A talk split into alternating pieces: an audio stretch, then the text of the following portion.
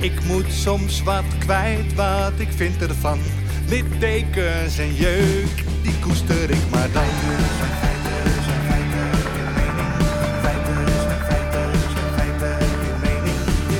Duidelijk en luid. Riemen vast vooruit,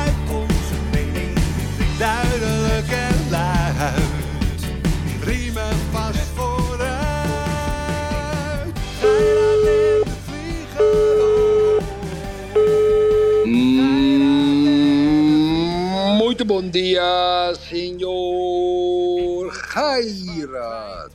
Mm, molto bon dia, signor de Vlieger. Molto bon dia, todos luisteraars. Goedemiddag, goedenavond, goedemorgen luisteraars. Neem vooral een kopje koffie, een glaasje wijn, een biertje of een glaasje whisky. Mag ook appelsap zijn. Want Gairat en ik zijn weer klaar om een podcast te maken. Waarbij Ja. mijn eerste vraag is, Yves, heb jij woensdag overleefd? Woensdag. Ja, blijkbaar wel, want ik, eh, ik ben er toch? Geestelijk. Geestelijk. Ik had jou die dag daarna aan de telefoon, dames en heren, lieve kapiteinen. ehm, na de wedstrijd Feyenoord-Ajax. En ik had Geirat aan de telefoon die ochtend daarna. En ik vond hem aangeslagen. Ja, dat klopt. Ja, ik, en, en ik zie jou nooit aangeslagen. Ja, nu een beetje met je ogen en met Tamara, maar ben je nog... Ding is, hier was je... Je was, je was helemaal leeg. Je was teleurgesteld. Je was verward. Ja. Chargeer een beetje, maar Nee, nee, nee, het heeft indruk op je gemaakt. Kan je ons een beetje meenemen? Ja. Dus kijk, wij, wij, wij- ik was woensdag. ehm, ik had het met Benno. En, we, en eh, dit keer was eh, David mee, dat is zijn schoonzoon. Benno Lezer, Ja. groot sponsor van Feyenoord, Gassan. En, en fan voor het leven. eh, Ja. Weet je, voor hem is Feyenoord alles. Het is zijn club, zijn liefde, zijn, zijn Als Amsterdammer, hè? Als Ja, Amsterdammer. ja, zeker. Zijn leven. En er was ook nog een hele beroemde hartchirurg. Die was ook mee. Die hebben we ook nog opgepikt. Dus wij zaten in de auto. We gingen naar Rotterdam. Eh, eerst ging hij ons eh, zijn nieuwe winkel laten zien op de Meent. In Rotterdam. Hele mooie, mooie straat is dat. Nou, dus we hebben er helemaal rondleiding gekregen. En toen eh, zijn we wat gaan eten bij Old Dutch. Ken je dat? Old Dutch in Ja, Rotterdam? ja, tuurlijk, tuurlijk. Ben ik wel geweest, hoor. Die hebben, die hebben Zitten die echte Rotterdammers, die rauwe ja, Rotterdammers? ja, ja, ja. ja. Een beetje met dat haar naar Ja, ja. achter, Erik. Ja, ja. Of ja, je ja. nou 40 bent of je bent 68, er zit altijd gel in. Ja, ja. Als, je, als je een foto maakt, je maakt hem zwart-wit, denk je gewoon dat je voor de oorlog zit. Ja, ja, het is echt. Ja, ja, ja.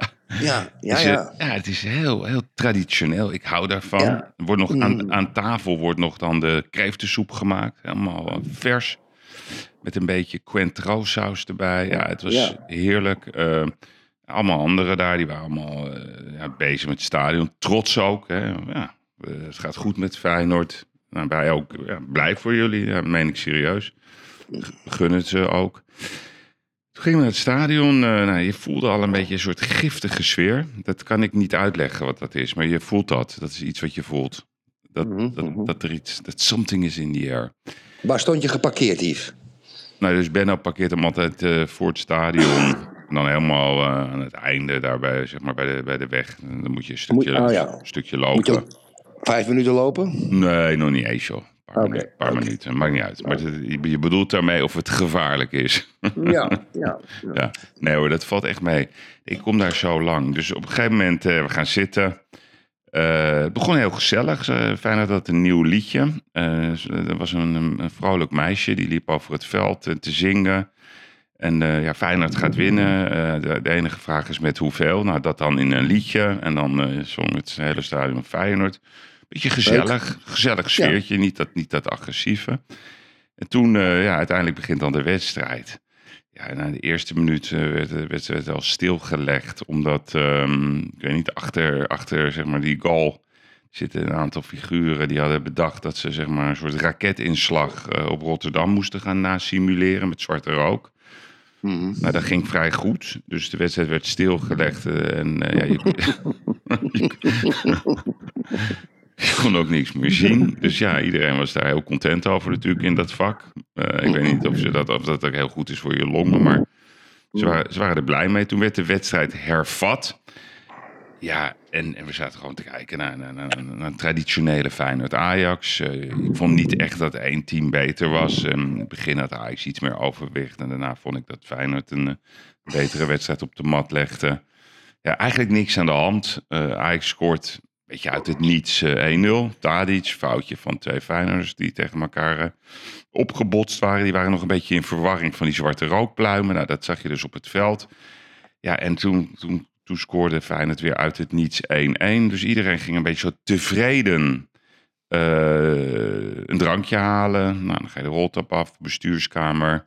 Vind ik altijd leuk, die bestuurskamer. Dan kom je van Bronkhorst tegen. eh, ook de, de, de mannen van Ajax waren er. eh, de bestuurders van Feyenoord. Niks aan de hand. En toen kwam Praten die, het... met, praat, praten die met elkaar, die bestuurders van Ajax en Feyenoord? Ja, even handje. Handje. Ja, oh, niet, eh, niet lekker even, even een kopje koffie drinken. Jawel, eh, jawel, jawel, jawel. jawel maar of, je weet nooit of het gemeend is, hè? Nee, nee, nee, nee, dat klopt. Dat weet je nooit. Dus, ja, bij, ook Benny Wijnstekers is altijd van de partij. eh, Theo van Duivenbode, die zie ik altijd rondlopen. En van Ajax dan. Van de Sar, Huntelaar, Gele. Nou, bij Feyenoord die nieuwe bestuur van Bodegem, van de voorzitter Mhm. RVC. ehm, die andere, te Kloesen, die doet het trouwens geweldig bij Feyenoord.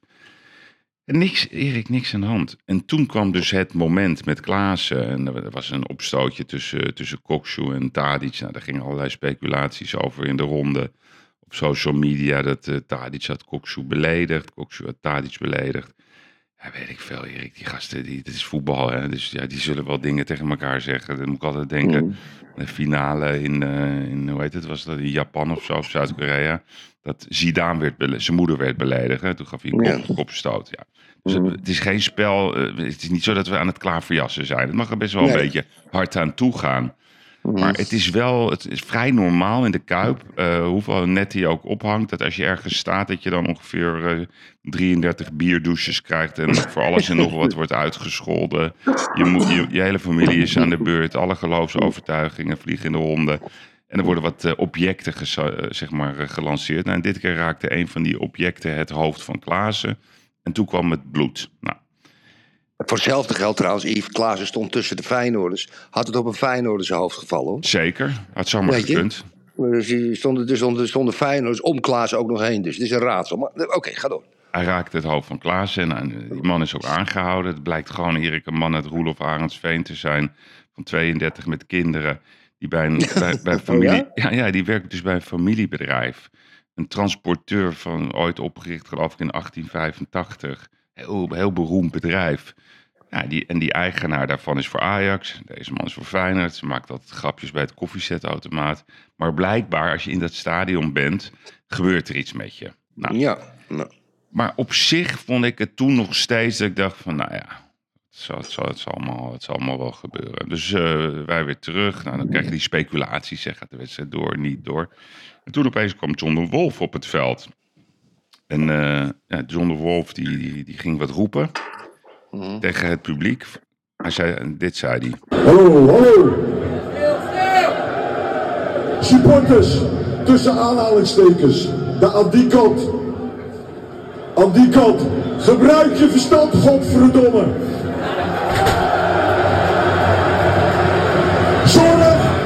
Dat er niks meer op het veld komt.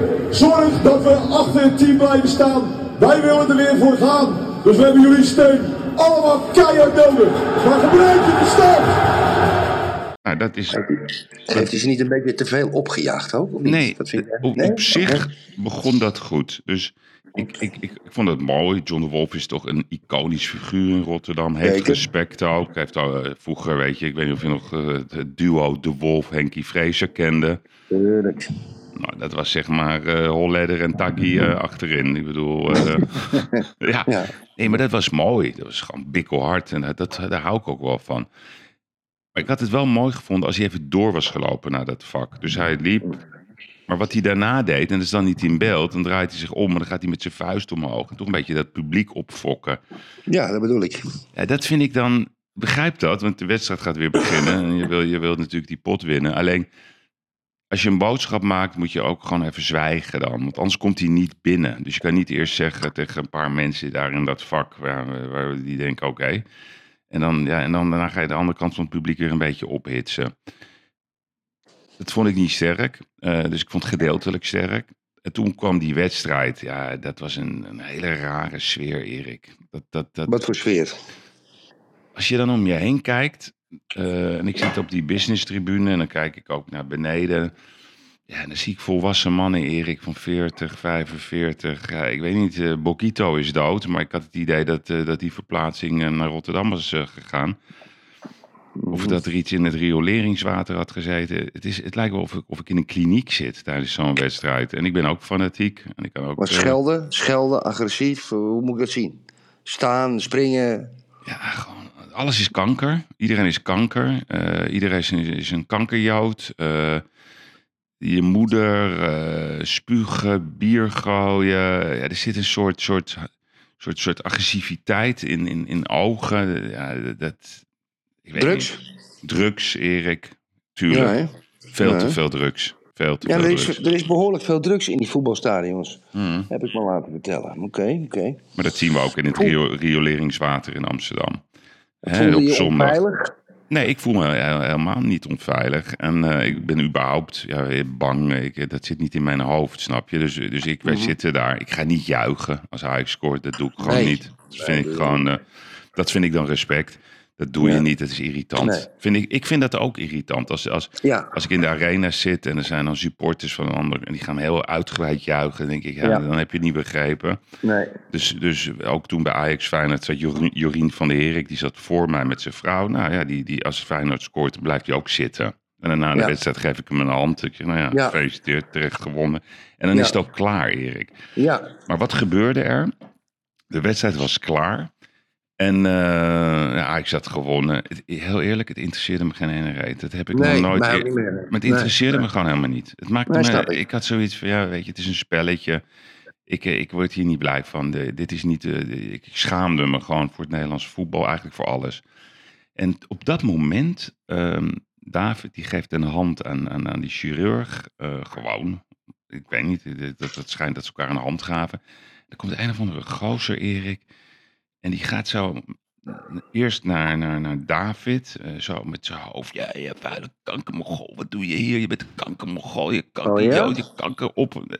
Maar echt zo hoofd tegen hoofd. Oh ja, in de, op, de, op de business tribune Ja, daar. ja, ja. Dus, dus, maar best wel... Wat zei David? David, ja, David, moet je, David is natuurlijk ook een gigant, hè? nou ja, dat valt wel mee. Nee, maar, die chirurg bijvoorbeeld, die vindt het ook leuk om in zijn vrije tijd eh, para, paramilitaire werkzaamheden te verrichten. Ja, ja. Dat is een hele grote chirurg. En Ja. ja, die heeft ook eh, volgens mij ooit de hartklep van Holleder gedaan. Dus dat is een, dat is een fenomeen. Rustige mensen.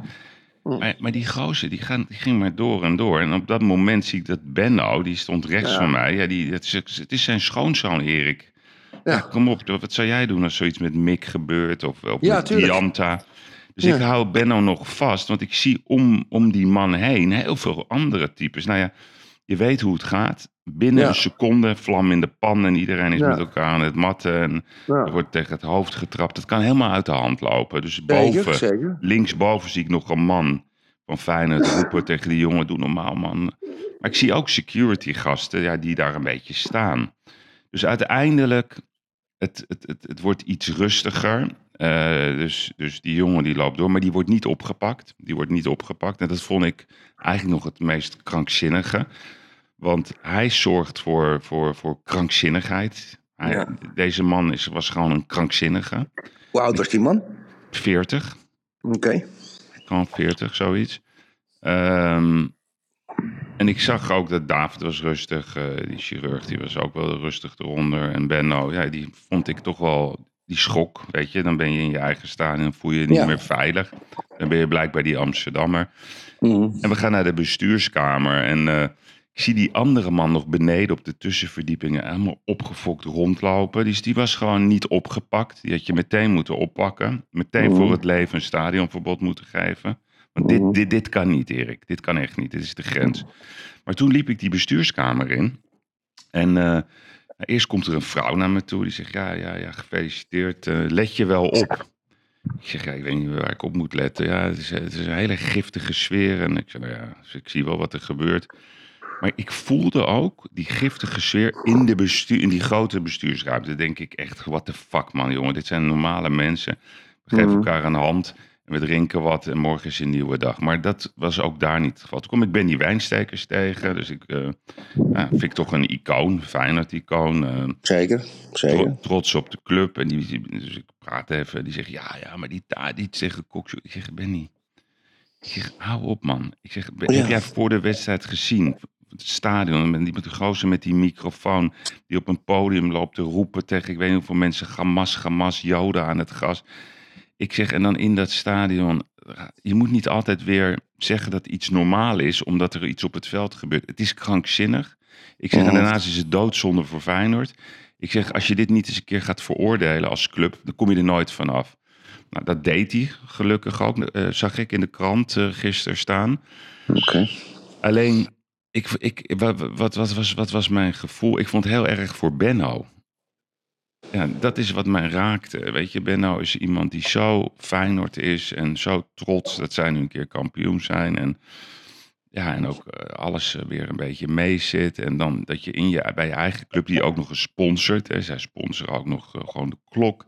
Dat je zoon, schoonzoon daar zo wordt aangevallen. Een, een relatie, een chirurg die ook gewoon ja, bijna, ik weet niet wat bijna uit de hand was gelopen. De agressiviteit overal in dat stadion, eh, ook, ook bij het weglopen. Het was heel naar, heel, heel naar. Ja, was, ik was ook echt verward, kan niet anders zeggen. Oké, dat is een. eh, dat is een eh, dat is, we kunnen ons bijna niet voorstellen hoe dat is. Hmm. Jij bent niet bang uitgevallen. Er zijn een paar dingen die, ik, die, die, die, die mijn nieuwsgierigheid opwekken. Om, om te, ik, laat ik even twee dingen eruit halen, Yves. Dan gaan we door met praten. Even kort. Kijk. Eén, wat is toch die haat naar Amsterdam? Hè? Wat, wat, wat is die, hè? En twee, en dat vind ik toch een interessant fenomeen. En dat is, je weet, Benno Lezer is van Joodse afkomst. Mhm. Ja, en Benno Lezer is een ongelofelijke trouw voetbalfan van Feyenoord. Voor zo, zolang ik hem ken, en ik ken hem echt heel lang, is Benno Lezer een icoon voor de, voor de club Feyenoord. Ja. Ehm, en, en dan, Yves, ik zou nooit meer van mijn leven naar een club gaan waar Hamas, Hamas, Joden aan het gas, buiten het sta tegen het stadion aan wordt gespeeld. En een paar honderd mensen die dat meezingen en ons geloof ik veel plezier hebben. Yves, ik zou, als, als bij Ajax eh, dat, dat gezongen zou worden. Ja, ja, weet je, kijk, ik kan wel zeggen ja, zeggen ze dan. Maar bij Ajax zingen ze ook Bom op Rotterdam. Nou, dat vind ik ook walgelijk. Ja, maar klopt. walg, walg, walgelijk. Ja. Ja. echt walgelijk vind ik dat. En, en daar maak ik nooit, eh, daar steek ik ook nooit onder stoelen of banken. Ik krijg nog eens een keer een tik op mijn bek van of de F-site of via team. Want die heb ik regelmatig op social media ook aangepakt. Maar wat is dat dan met, met Benno? Hoe, hoe, hoe, hoe, hoe, hoe kan dat? Hoe- wat, doet, wat doet dat met zijn hoofd, Yves? Ja, dat zag ik voor het eerst ook. Dat hij echt. eh, dat je je opeens niet meer veilig voelt daar bij je eigen club. Weet je, dus je, dus je staat daar en dan denk je, eh, ik hoor er eigenlijk niet bij. Terwijl die er, terwijl die er wel bij hoort. Eh, dan zie je ook, en dat, dat vond ik een, een interessant moment. Dat is die te kloesen. Ik weet niet hoe die man precies heet, maar hij is daar ja, het nieuwe brein bij Feyenoord. Hij Mhm. zorgt voor al die transfers. Hij zorgt er ook voor dat de spelers niet meer voor weinig eh, weglopen. Je ziet die ongelooflijk eh, mondige Arne Slot op een rustige manier uitleggen hoe hij het ziet. Aan de andere kant zie ik Koksu op het veld als een debiel. Gewoon een debiel, Erik. Koksu is Ja. een debiel en Tadic was ook een debiel. Dus twee, Ja, twee ja. aanvoerders, Erik. Dus, dus laten we het even zeggen, onze Tadic en dan fijne, j- jullie Koksu. Die, Ja. die gedragen zich allebei als, als kinderen. Ja, Die begrijpen ja. niet dat ze enorme verantwoordelijkheid hebben. En dan gaan ze Precies. het rustig uitleggen. Ja, Ze moeten zich de, de tyfus schamen, allebei. Ja, ja, ja, ja. Ze moeten ook iets doen, want ik begrijp dit niet. Ik vind, ik vind het schaamteloos hoe die twee zich daar positioneren. Ja, en, en dan zie ik de kloesen, zeg maar, aangeslagen. Die, die, die was echt aangeslagen. Ehm, die heeft zich ook goed uitgesproken. Dus ik zie heel veel verwarring. De ene die vindt, ja, het komt door uh, Tadic. De andere die zegt, het zijn allemaal krankzinnigen bij elkaar. Dus ook daar zie je die verwarring. Ja, en dan dat jodengedoe, Erik. Kijk, Ajax is ook schuldig hè, bij het jodengedoe. Want altijd dat zingen in dat stadion, uh, joden, joden, uh, hè, dat, dat, dat is een geuzennaam voor Rotterdam. Dus ik, ik, ik doe het ook. Ik ja, jij doet het ook. Ja, ja, ja. weet ik. Ja. Kijk, en, en Rotterdammers, die, ik heb het al wel duizend keer gevraagd, die zeggen, ja nee, dat is voor ons gewoon Ajax. Joden zijn Ajax. Alleen, het is niet goed. En dat moet stoppen. En dat heeft Uri Coronel ooit geprobeerd. Maar ja, Erik, ik heb zelfs een keer meegedaan met een debat hè, uh, bij de Bali. Vijftien jaar geleden was de harde kern van Ajax. Ja, die vinden dat, uh, dat dat niet mag worden afgenomen van hun. Dat vinden ze gewoon. Ja, dus mm. je moet gewoon je bek houden. Mm. Je komt daar niet uit. En uh, ja, de, de, volgende keer nemen we de oorlog mee naar het stadion. Het is, okay. het is, het is krankzinnig. Oké, maar ben jij het er met me eens, buiten even Feyenoord, waar we het nu over hebben, dat het toch op zich wel een maatschappelijk verschijnsel is? Want het gebeurt in heel veel stadions op dit moment. Het ja, nee, bij Spakenburg, weet je, die mensen gaan zondag naar de kerk uh, en die zingen dan dat Xavier Simons een homo is. Ja, dat, Is, dat is de week. Dat gaat zo'n heel vak. Xavier Simons is een homo. En die bleef daar ook rustig onder. Het is, het is waanzin. Maar ik heb er wel over nagedacht waarom ik denk waar, wat, wat, waar, waar, dit vandaan komt. Nou, kom erop. Ik van, je praat toch lekker veel. ja. ja. Rutte, Erik. Hartstikke idee, daar gaan we. Een paar stapjes overslaan, maar goed, leg uit. nee, maar, nee, maar kijk, weet je, dat, dat voetbal... Ik weet wat je bedoelt, denk ik. Nee, maar dat voetbal, Erik, dat, dat, dat, het is ook niet zo dat, dat je alles moet willen veranderen. Want vroeger, in 82 of zo, weet ik nog, was ik naar Ajax Feyenoord was die beroemde 8-2 en bij 6-2 uh, brak, ook, brak ook de pleuris uit. En toen ging, uh, werd het stadion afgebroken. Toen kregen we uh, van die, spij, die stalen, dat ding werd in het Ajax-vak gegooid. Ja. Dat is van alle tijden. Um, en dat, krijg je niet, dat kan je niet helemaal oplossen, want bij, bij, bij voetbal gebeurt er iets. Dat is een bepaalde emotie. En in Engeland hebben ze laten zien dat ze het kunnen oplossen. Nou, er komen nu duizend specialisten komen weer op tv. Uh, je Zielgoes die gaat het aanpakken. Rutte, die nog nooit in een voetbalstadion is geweest, die veroordeelt het. Ja, iedereen gaat er allemaal maatregelen nemen. Er is gewoon een voetbalwet, die is er gewoon. Ik ben er eventjes gaan googlen. Dat is, er is een rapport van 117 pagina's. Ik dacht, ik krijg de tering, ik ga dat niet lezen. Maar die voetbalwet, die, die heeft al lang bedacht dat je keihard kan optreden. Maar als je dat niet doet, als je dat niet doet... Maar weet je wat het echte probleem is? Kijk, die Rutte, uh, en, en ook, ook al die hele coalitie, uh, maar ook Wilders, alles en iedereen in die Kamer, die schelden elkaar week in, week uit, dag in, dag uit, verrot. Elke dag schelden ze elkaar verrot. Zij zijn het voorbeeld. Zij hebben genormaliseerd, gedemocratiseerd dat het de normaalste zaak van de wereld is om elkaar uit te schelden. Er is gewoon geen fatsoen meer in dit land. En toen dacht ik van ja, hoe kan het dan hè, dat, dat er zoveel onvrede is in Nederland? Toen dacht ik, ga eens een lijstje maken, Erik.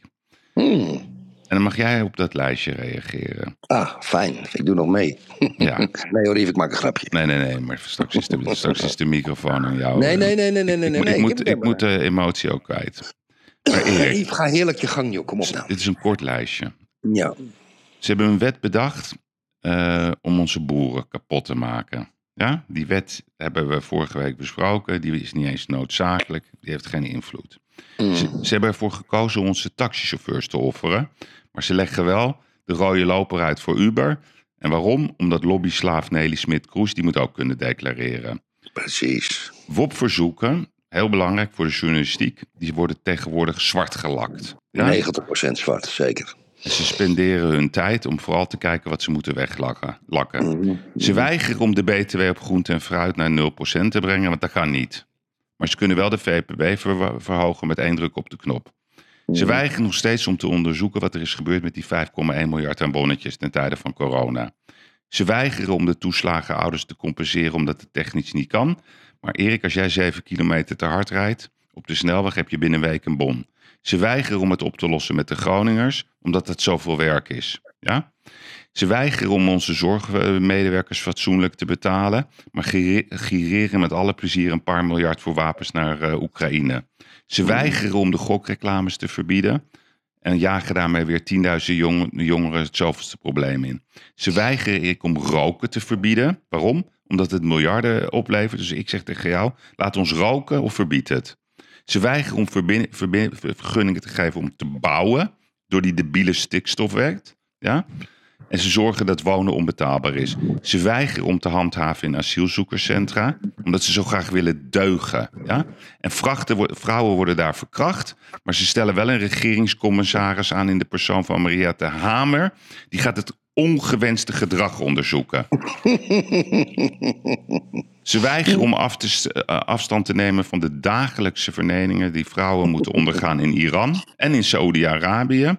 Maar onze minister van Financiën, mevrouw Kaag, die gaat liever met een hoofddoekje naar Iran op haar knie lopen, eh, lopen bidden, omdat ze de cultuur graag wil respecteren. Ze weigeren om de Taliban te veroordelen, want we gingen ze zogenaamd te helpen, maar we vertrokken weg met onze staart tussen de benen.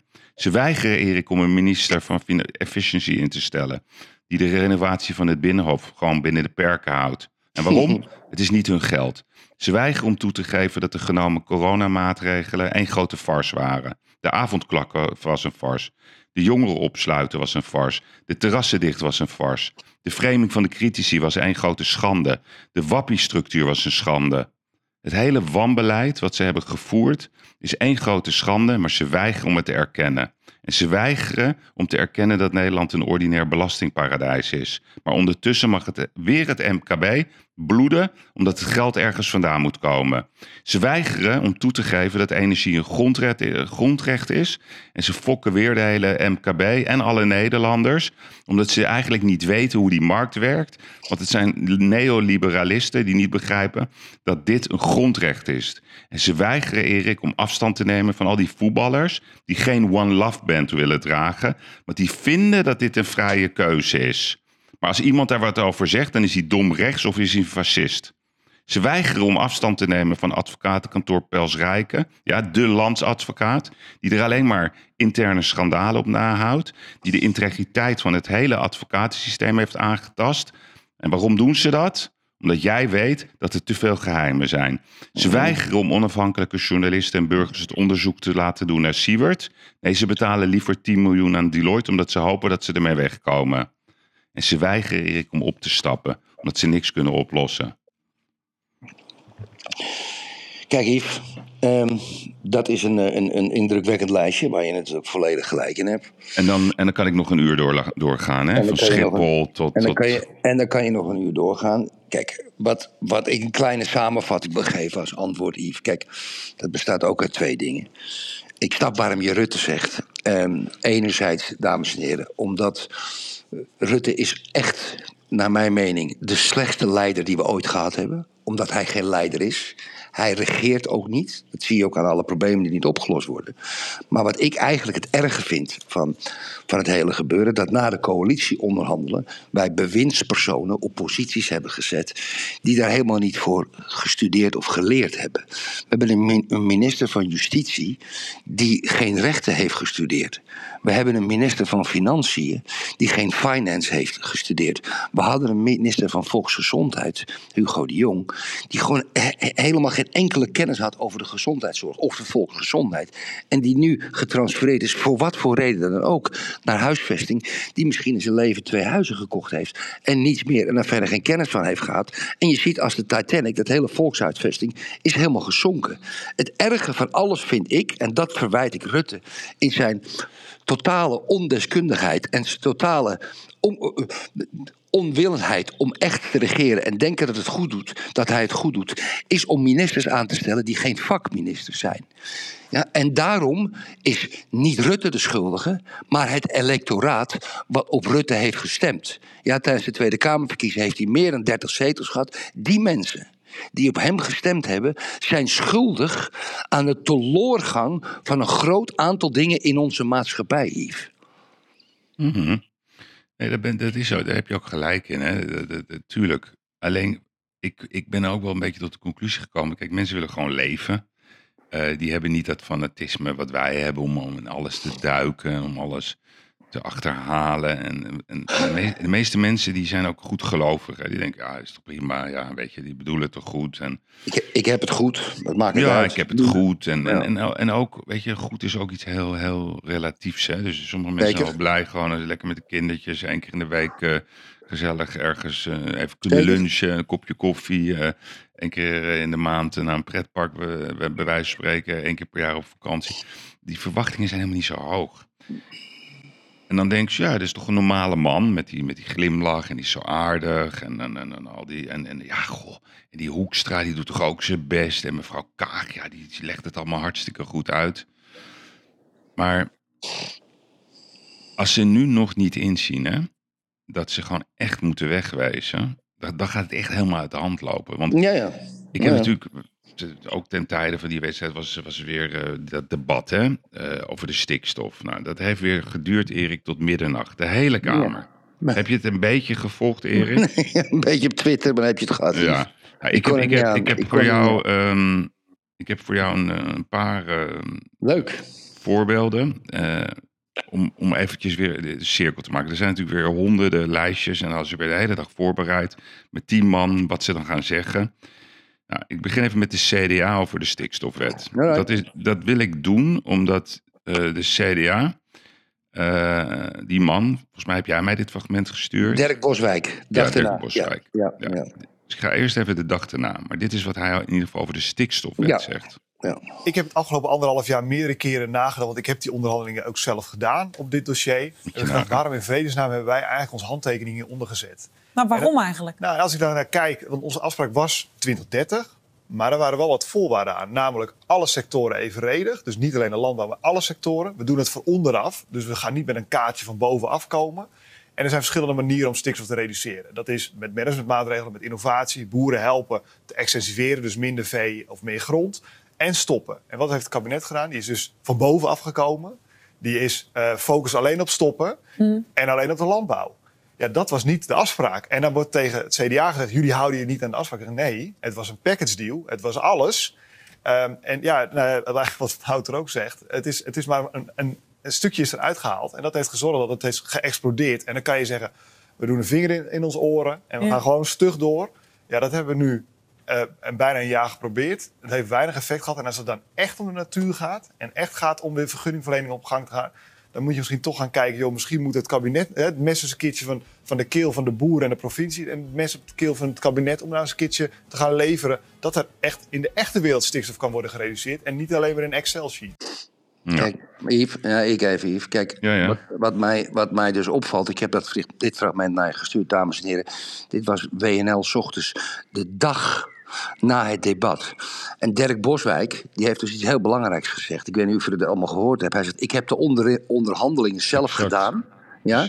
En waarom is er eigenlijk een handtekening onder gezet? Ja, ik weet het niet. Als je een onderhandeling zelf doet en je zet een handtekening onder, dan ga je het handtekenen. Maar wat ik het kwalijke vind, en kwalijk moet je eigenlijk vertalen als extreem kwaadaardig. Dirk Boswijk, dames en heren, zat de dag ervoor in het debat. Ja. En heeft dit niet gezegd. Hij, Mhm. heeft dit dus, hij heeft dit dus gewoon niet gezegd. En mag het voor het journaal de dag daarna. En Yves, volgens mij, een paar mensen op, op social media hebben dit opgepakt. Maar niemand van de media hebben dit opgepakt. Dat die man een dag daarna iets zegt wat, wat, wat, wat uiterst belangrijk geweest zou zijn voor het debat de dag ervoor. Exact. Onthutsend. Ont- Onthutsend. Ont, dames en heren, onthutsend. Ja, dus wat hij doet, dus hij krijgt de kans om in die Kamer die we bedacht hebben, om daar dan dat mooie open debat te voeren, Ja. om daar ook eerlijk te zijn. Daar laat hij het na en dan gaat hij de dag erna, alsof er niks aan de hand is, Erik. Doet ze gewoon weer een nieuw pak aan. Denkt, nou, ik zit bij WNL. Ja, dat zijn Ja. toch een beetje kiezers die zijn tegen het stikstofbeleid. Dan kom ik weer met een nieuw riedeltje. Ja. Nou, en denk je, hé, hey, Hey. hey, dat is een goede man, die Dirk Ja. van de CDA. Daar, ga ik misschien wel op stemmen, joh. Ja, Ja, die ziet het hartstikke scherp. ja. ja. Dus dat is de dag erna. En nou, de dag ervoor hebben we tassendraagster eh, Sophie Hermans. Die krijgt gewoon een vraag ja. in die kamer. En in de kamer is nog steeds, eh, de, lieve luisteraars, is het bedoeld dat we daar standpunten met elkaar uitwisselen. Maar Ja. daar, daar heeft Sophie Hermans de volgende mening over. Voorzitter, de VVD uh, voert uh, eigen campagne en maakt daarin keuzes. En daar ben ik verder geen verantwoording over schuldig aan u. Ik zeg u één ding. U en ik zijn in debat geweest samen bij het Radio 1-debat. En volgens mij uh, was dat een goed moment. Mevrouw Van der Plas. Zeker is mevrouw Hermans geen verantwoording aan mij schuldig. Maar wel aan de kiezer. Wel aan de mensen in Nederland. Want mensen in Nederland stemmen op ons. Plaatsen ons hier eens in de vier jaar. En die betalen ons. En dit is iets wat ik dus heel vaak hoor hier in debatten. Ja, dan gaan we het weer over onszelf hebben. En ik heb al zo vaak gezegd. We hebben het dan niet over onszelf, we hebben het over de mensen in Nederland. Leuk.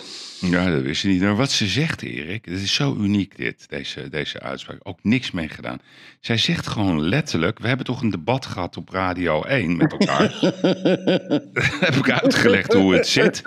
Ja, en, en, en, en in die, die, nee, in de Kamer. Ja, hoe haalt u het in je hoofd? Hoe haalt mevrouw van der Plas? Hoe durft u mij een vraag te stellen? Dat ik, ik heb u al antwoord gegeven bij Radio 1 hoe het zit. En hier in die Kamer, ja, weet je, het is leuk dat u er bent. U heeft een mooie jurk aan. Groen ook nog eens van BBB. Maar u denkt toch niet dat ik hier tijd heb om überhaupt een antwoord op te geven? Ik ben u helemaal geen verantwoording verschuldigd. Ja, dat, dat, is Sophie Hermans. Nou, ja, ja, en dan hebben we onze, onze vriend uh, Jan Paternotte. Ja, die moest ik er ook even bij hebben. Flappy, Flappy, Flappy. Ja, Flappy. Die heeft ook nog, die, die, die staat daar dan heel netjes. Ja, die, die weet het ook allemaal niet meer. Die, die denkt, ik ga ook maar eens wat zeggen. Als D66 zegt van, nee, op dit verzoek willen we wel serieus ingaan, dan heeft u toch ook door de oogharen gekeken of dit uh, effect kan sorteren? Ik zie heus dat er uh, onderwerpen zijn in deze coalitie, en dat heb je met verschillende partijen, van echt een heel andere signatuur, dat sommige onderwerpen lastig liggen. Dat kan ook bij achterbannen zijn, dat is bij mijn partij zo, en ik zie ook dat dat op stikstof nu bijvoorbeeld bij het CDA is, daar heb ik echt begrip voor. Alleen tegelijkertijd zeg ik inhoudelijk het gaat om een vraagstuk waarbij het niet zo is dat één politieke partij heeft bedacht. Wij vinden dat het 2030 moet zijn en dat we dat voor de poorten van de hel hebben weggesleept bij onderhandelingen. Zo is het niet gegaan. Het was in die formatie zo dat woordvoerders met deskundigen gingen praten. Dat er een duidelijk advies lag van Johan Remkes. Dat was deel 2 uit de trilogie van de drie adviezen die hij had neergelegd. En die zei, ja, als je nou wilt dat in Nederland we kunnen blijven bouwen. Dat we de natuur echt willen beschermen. En voorkomen dat hij nog veel verder achteruit kachelt dan zul je een heel duidelijk doel moeten stellen. Daar is dat uit voortgekomen. Dan vind ik het niet gek dat als uh, een partij zegt we willen daarover onderhandelen, dat ik dan zeg, nou ja, laat dan zien wat het alternatief is, want ik zie het niet. Kijk, Erik.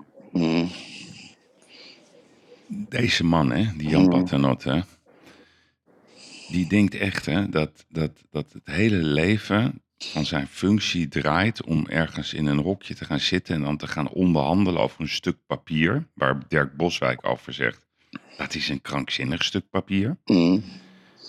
Maar, en dan heeft hij het over deel 2 van het rapport van Remkes. Mm-hmm. Deze mensen zijn zo debiel zo, het zijn zulke. Je lijkt mij wel. ja, ik, ben, ik ben over jou heen. Ik ben, ik ben geradicaliseerd, Erik. Je, bent helemaal in bron aan het kruipen, Yves. ja, ja, ik weet niet. Ik, ik, voel me jou, Erik. Is, ik zit naar die man dan te kijken en, en hij meent het ook allemaal wat hij zegt. En hij denkt echt, hè, die mensen denken echt dat ze het hartstikke goed doen. Maar die, die weten niet eens wat mensen zijn. Die, die, die hebben gewoon werkelijk waar geen idee. Ja, maar er is toch iets gebeurd met die coalitieonderhandelingen. Dus Kaag en Rutte. Kijk, die Rutte was natuurlijk destijds aangeschoten wild. En volgens mij heeft Kaag een eisenpakket op tafel gelegd. Zodat Rutte door kon blijven gaan met minister-president zijn. Waar Rutte gewoon zijn handtekening op onder gezet heeft. Dat, dat, en, en het hele stikstofgebeuren. Ik, ja, we hebben natuurlijk verleden week hebben het gehad over WNL. Dat die, dat, die, dat, die, dat die wetenschapper zegt: ja, dat is een, één vogelpoepje per jaar op twee hectare grond. Twee voetbalvelden. Ja, en ja, en ze blijven er maar mee doorgaan. Want ze zeggen dat andere wetenschappers zeggen dat die, dat gedeelte van de stikstof die hele natuur vernielt. Want dan gaan een paar eikenbomen dood. Ik bedoel, wij, dames en heren, ik, ik, herhaal het nogmaals. Wij, wij, wij, wij gaan niet ontkennen dat er niet iets met het klimaat aan de gang is. Maar op een klein postzeggertje zoals Nederland. Dat de hele bouw gestopt wordt. Terwijl de asielstroom nog nooit zo groot is geweest. Huizenprijzen, er is geen productie, er is, er is, er is niks. Er is, er is, het zijn allemaal problemen. En projectontwikkelaars kunnen niet bouwen. En by the way, projectontwikkelaars zijn vuile, vieze, smerige teringlijst omdat ze veel winst maken. Die moet, dat, dat moet ook aangepakt worden. Misschien wel de helft van de winst moet weg na, na het betalen van VPB. In plaats van de brievenbusfirma's. Yves, Misschien moeten wij wel tot de conclusie komen, lieve vriend, dat we in een compleet gekkenhuis wonen. ik denk dat we. Ik denk dat we. We hebben nu een half uur zitten praten. Over, over, over via Feyenoord komen bij een regering. Vind ik trouwens een prachtig uitstapje. Wij, ja, totale onopgevoede bende met mensen die totaal niet capabel zijn voor hetgeen waar ze in dienst voor genomen zijn en voor worden betaald. Daar neergezet worden uit een uitruil van politieke poppetjes. En, en, en daar kijken wij daarna een beetje ja, niet, niet- als, als outsiders eigenlijk ook wel, maar ook wel weer als insiders. Omdat we toch wel weten hoe het in Nederland werkt. En we kennen, we kennen die mensen en we weten hoe het werkt. Maar Yves, de, de, wij kijken gewoon, we zitten gewoon naar een hele lange versie van Draadstaal te kijken. Volgens mij, de kapitein van Koningsbrugge. Ja, Jeroen, grijp in. Hij gaat in een pornofilm spelen, hè? Nee, echt? Ja, ja, ja, ja, ja, ja. Dat was vijf Maar echt, echt concreet ook? Nee, hij gaat een, hij, dat zeg ik, maar hij, gaat een, hij, hij krijgt een rol van een soort pornoster. Dat is hartstikke leuk. Moet je maar eventjes googlen. Ik heb het hem gestuurd. Ja, ik zeg gefeliciteerd, hopla, kapitein van Koningsbrugge. Gaat een karakter spelen, zo'n soort pornoster. Hartstikke leuk. Maar dat even terzijde. Het is een gekkenhuis, ik- Ja, de kwestie of we accepteren. Maar ik wil toch nog even terugkomen. Want, want omdat wij Nederlandse staatsburgers zijn... En, en ons toch Nederlanders voelen... de schuld ligt bij de VVD-kiezer. Dus jij zegt, Rutte, ik ga een stap verder. Mensen die op, op Rutte hebben gestemd, zijn hier eigenlijk aan het einde van de rit verantwoordelijk voor. Hadden ze dat dan kunnen zien? Hadden ze dat niet kunnen zien? Ja, dat is natuurlijk weer, weer glad ijs. Want ja, hij kan het mooi vertellen. En die, de media, hè, die- je weet het, de media maken de premier, hè? Als die, ze kunnen je vernietigen en ze kunnen je ophemelen. Dus de macht van de media, zeker van de staatsmedia... ik ga niet het riedeltje staatsmedia voeren... is natuurlijk verantwoordelijk uiteindelijk voor de zetel waarin Rutte zich bevindt. Ja, Yves, en ja, dat blijkt dus achteraf. Ze hebben tot de conclusie gekomen, dames en heren... tromgeroffel, dat we naar een gekkenhuis kijken van mensen die helemaal geen idee meer hebben waarvoor ze in dienst genomen zijn door ons. Dat is het Hebben ze eigenlijk. geen idee van? Het is Heb een geen totaal idee? gekhuis. Die Sophie is- Hermans, dat is een konijn die in een koplamp kijkt. Als ik eens zie staan, het magere meisje. Ja, en, en, en, en met het zenuwachtige, die, die beenderen van het gezicht, ze wordt steeds magerder. Ja, en, en, die, en die zegt dan gewoon glas uit tegen Caroline of tegen het volk. Ja, daar hoef ik geen verantwoording voor af te leggen, want dat hebben we al besproken. Dat zegt ze letterlijk. Bij een op een In de kamer. In de kamer. dus de mensen, oh, oh, nou ja, oké. Eh, Met met parlementariër, oh, natuurlijk. Dus, eh, dus ik, we gaan, de, ik moet bij de belasting komen. Nou, belasting zegt, wat heb jij, eh, wat, wat is deze transactie? Ja, dat heb ik al uitgelegd in de quote. Ja, ja, ja. Heb ik al- Dat heb ik, dat heb al in de quote uitgelegd, meneer, eh, meneer de Belastingdienst. Ja, maar hoe bedoelt u dat dat u in de quote gelegd hebt? U, u draagt geen BTW af hier. Ja dat, ja, dat kunt u nou wel zeggen. Maar eh, daar ben ik u geen verantwoording voor schuldig op. Dat heb ik al in de quote uitgelegd. oh, en die, en die, en die, en weet je, en die, kijk, die, die Flappy, ja, die paternotte, die hebben natuurlijk vanaf de coalitieonderhandeling in dat stikstofnarratief hebben ze zichzelf genesteld. En daar komen ze niet uit door toe te geven dat het allemaal over. Het is natuurlijk allemaal begonnen met het lekken van het kaartje van dit is stomme wijf Christiane van der Wal. Dat, dat- daar is het mee begonnen, dames en heren. Vergis je niet. Die hebben dus per ongeluk een, een, een kaart gelekt van Nederland. Waar sommige bedrijven, dit, dit gebied, alle boeren weg, dat gebied. Dat is gewoon gelekt. Dat bedoelt die Dirk Boswijk natuurlijk. Van, het is van bovenaf bepaald en niet van onderop bepaald. Want dat hadden we afgesproken. Nou, ik wil het nog wel eens lezen in het coalitieakkoord. Want ik ga jou vertellen, dat staat er niet in. Er staat gewoon een technische verhandeling over hoe de stikstofreductie moet plaatsvinden. En hoeveel eigenlijk. Niet hoe, maar hoeveel. Dus we kijken naar een gekkenhuis hier. Feyenoord. Ja. Feyenoord. Ik kreeg trouwens net van Benno een, een, een mailtje. oh, Ja, en dat vind ik wel mooi. En ik, volgens mij kan ik het citeren. mag dat wel? Weet je dat zeker? Nou, er staat geen naam bij, hè? Dus, dus Ja, je zegt net dat het van Benno is. Ja, het is van Benno. eh, en het is van een van de bestuursleden van Feyenoord. Die echt, eh, die hoort dat... eh, ja, ik weet niet of ik dit nou wel of niet kan zeggen. Maar in ieder geval, ik, laat ik het zo zeggen. Hij zegt dat hij het echt verschrikkelijk vindt. en dat hij dit verwerpt tot het diepste in zijn hart. En het met al zijn macht zal bestrijden. En zo, zo moet het ook zijn. Oké. Zullen we het samen moeten oplossen. Erik, Ja. ehm, het was gisteravond ook eh, de avond van de cider. Dus ik had gisteren een cideravond, want het is Pesach. Hè? Dat is Pesach, het ja. Joodse paasfeest. Dus we hadden gisteren een eh, fantastische avond eh, eh, bij de zus van Tamara, bij Anita thuis. En dan ja, de, de, de cider, dat is een, een avond dat je elkaar vooral veel vragen stelt. Oh ja, sorry. Mag ik nog eentje met de... Met de Wil je vragen? Peukies? ja, dank je. Ik wil even nog, even, wil even nog de mensen uitleggen. Kijk, Pesach is, ehm, dat is een heel belangrijk feest in het Jodendom, toch? Oh, hè? oh, daar ga ik even voor zitten. Oh, kijk, ik ben benieuwd. Ik heb iets heel leuks voor jou, Erik. Ja, nou, kijk, we hebben het over herstelbetalingen en zo. Maar kijk, met Pesach wordt natuurlijk het einde van de Joodse slavernij in Egypte herdacht, toch? Ja, precies. Ja, ja, dus ik verwacht zeker met, jou, eh, met jouw zonnebril op toch wel een factuur. Slavernij, eh, herstelbetalingen. Dat Die ik krijg. Ja, ja. Natuurlijk, je moet een rekening naar Egypte sturen. Ja, en ik, ga, nee, ik heb elkaar ge- gebeld. Dus Ja. eh, ze begrepen het ook. En eh, dus ik zei, eh, Ik weet dat, want ik heb de film Ben Hur gezien als klein jongetje. ja, maar wat ik gedaan heb. Oh, ja, oké. Ik heb aan ChatGPT, Erik. Ah, het zit idee, dat mee. Wat worden we modern? Ja, ik heb gevraagd, eh, beste ChatGPT, Oh. kan jij aan Erik de Vlieger uitleggen wat Pesach betekent Erik de voor Vlieger. Erik de Vlieger? Ja. Ja, echt waar. Nou, oké. Daar komt hij. Beste Erik de Vlieger. Net zoals u, als ondernemer en investeerder, heeft u vele uitdagingen in uw leven gehad. Maar die heeft u overwonnen. En dit is ook het verhaal van Pesach. Dit vertelt over de veerkracht en overwinning van het Joodse volk tijdens hun bevrijding uit de slavernij in Egypte. Wow. Het, het verhaal van Pesach kan u, Erik de Vlieger, inspireren. Net zoals uw ervaringen anderen weer inspireren.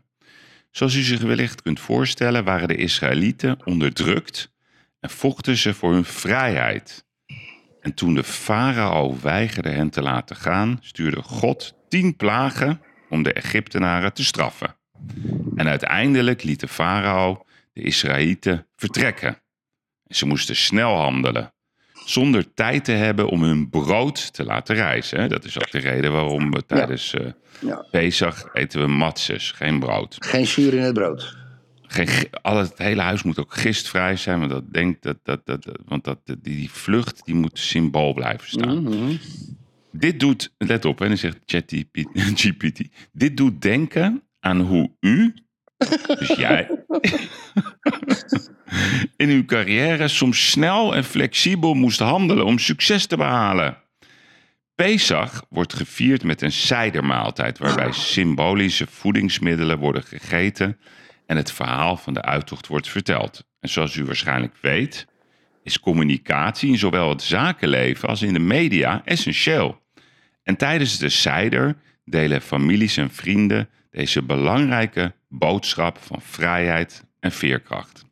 En tijdens de acht dagen van Pesach eten Joden geen gerezen brood, brood om de haast van hun voorouders bij het verlaten van Egypte te herdenken. En in zekere zin kan het een herinnering zijn om het belang van doorzettingsvermogen en aanpassingsvermogen te waarderen, ongeacht de uitdagingen die we tegenkomen. Net zoals dat in uw eigen leven heeft gepasseerd en uw carrière goed heeft gedaan. Nou, dit is toch uniek dit? Wel, in- in- in- dat heb jij niet geschreven. Dit is ChatGPT, Erik. Ik word er koud van, Yves. Ik vind het zo mooi. Want kijk, het is natuurlijk, in het begin, ik zei het ook, het is zo leuk dat ChatGPT. Dus ja, allemaal fake nieuws en zo. Maar je moet, je moet, hij, hij, is heel slim. Hij leert veel sneller dan, eh, dan Sophie Hermans in acht- 38 levens überhaupt één ding gaat leren. Dus hij, hij legt ook nog eens het verband tussen hoe het toen ging in Egypte. En tussen jouw leven, dat je ook veerkracht hebt getoond en wat het belang, het belang van vrijheid is. Misschien weet hij ook dat jij onterecht bent aangepakt door justitie. Dat je toch kracht hebt getoond. En dat je ook weer een voorbeeld voor anderen bent geweest. Ja, ik, vond dit, ik vond dit uniek. Ja, U- uniek. ja, ongelooflijk. Ik, vind echt, Ja. ik ben er stil van, Yves. Ja, wat moet ik, ik, ik, ik heb geen commentaar.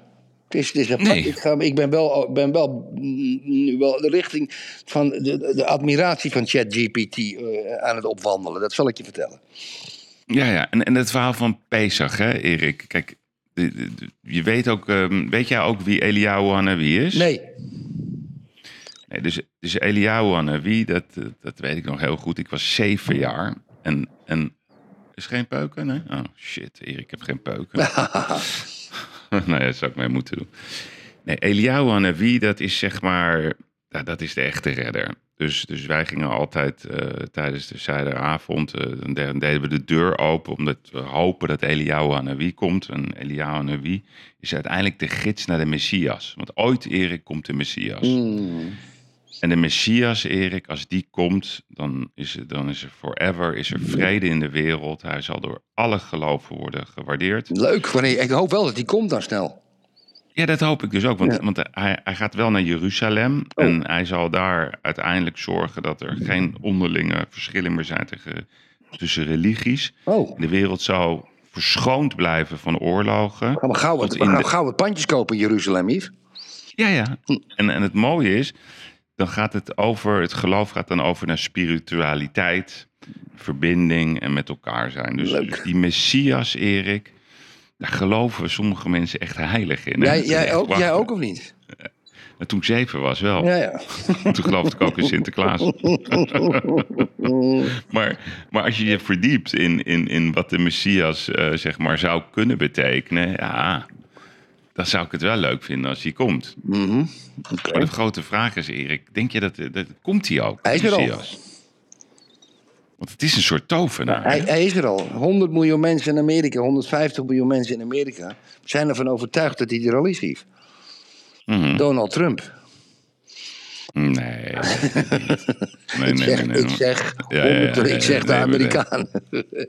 Ja, maar ik heb ook aan ChatGPT gevraagd hoe hij de Messias Ah, ziet. Hè? Dus hij zegt, de verlosser zal het Joodse volk verenigen en leiden. Mm. Wereldvrede zal er komen, welvaart bewerkstelligen...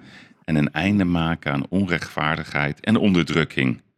De Messias is een heel belangrijk concept in het Judaïsme... maar de interpretatie en verwachtingen kunnen variëren. Ik, mm, De impact van de Joodse Messias op de Nederlandse politiek is bela- en belangrijk is om op te merken dat de Messias voornamelijk een religieuze betekenis heeft.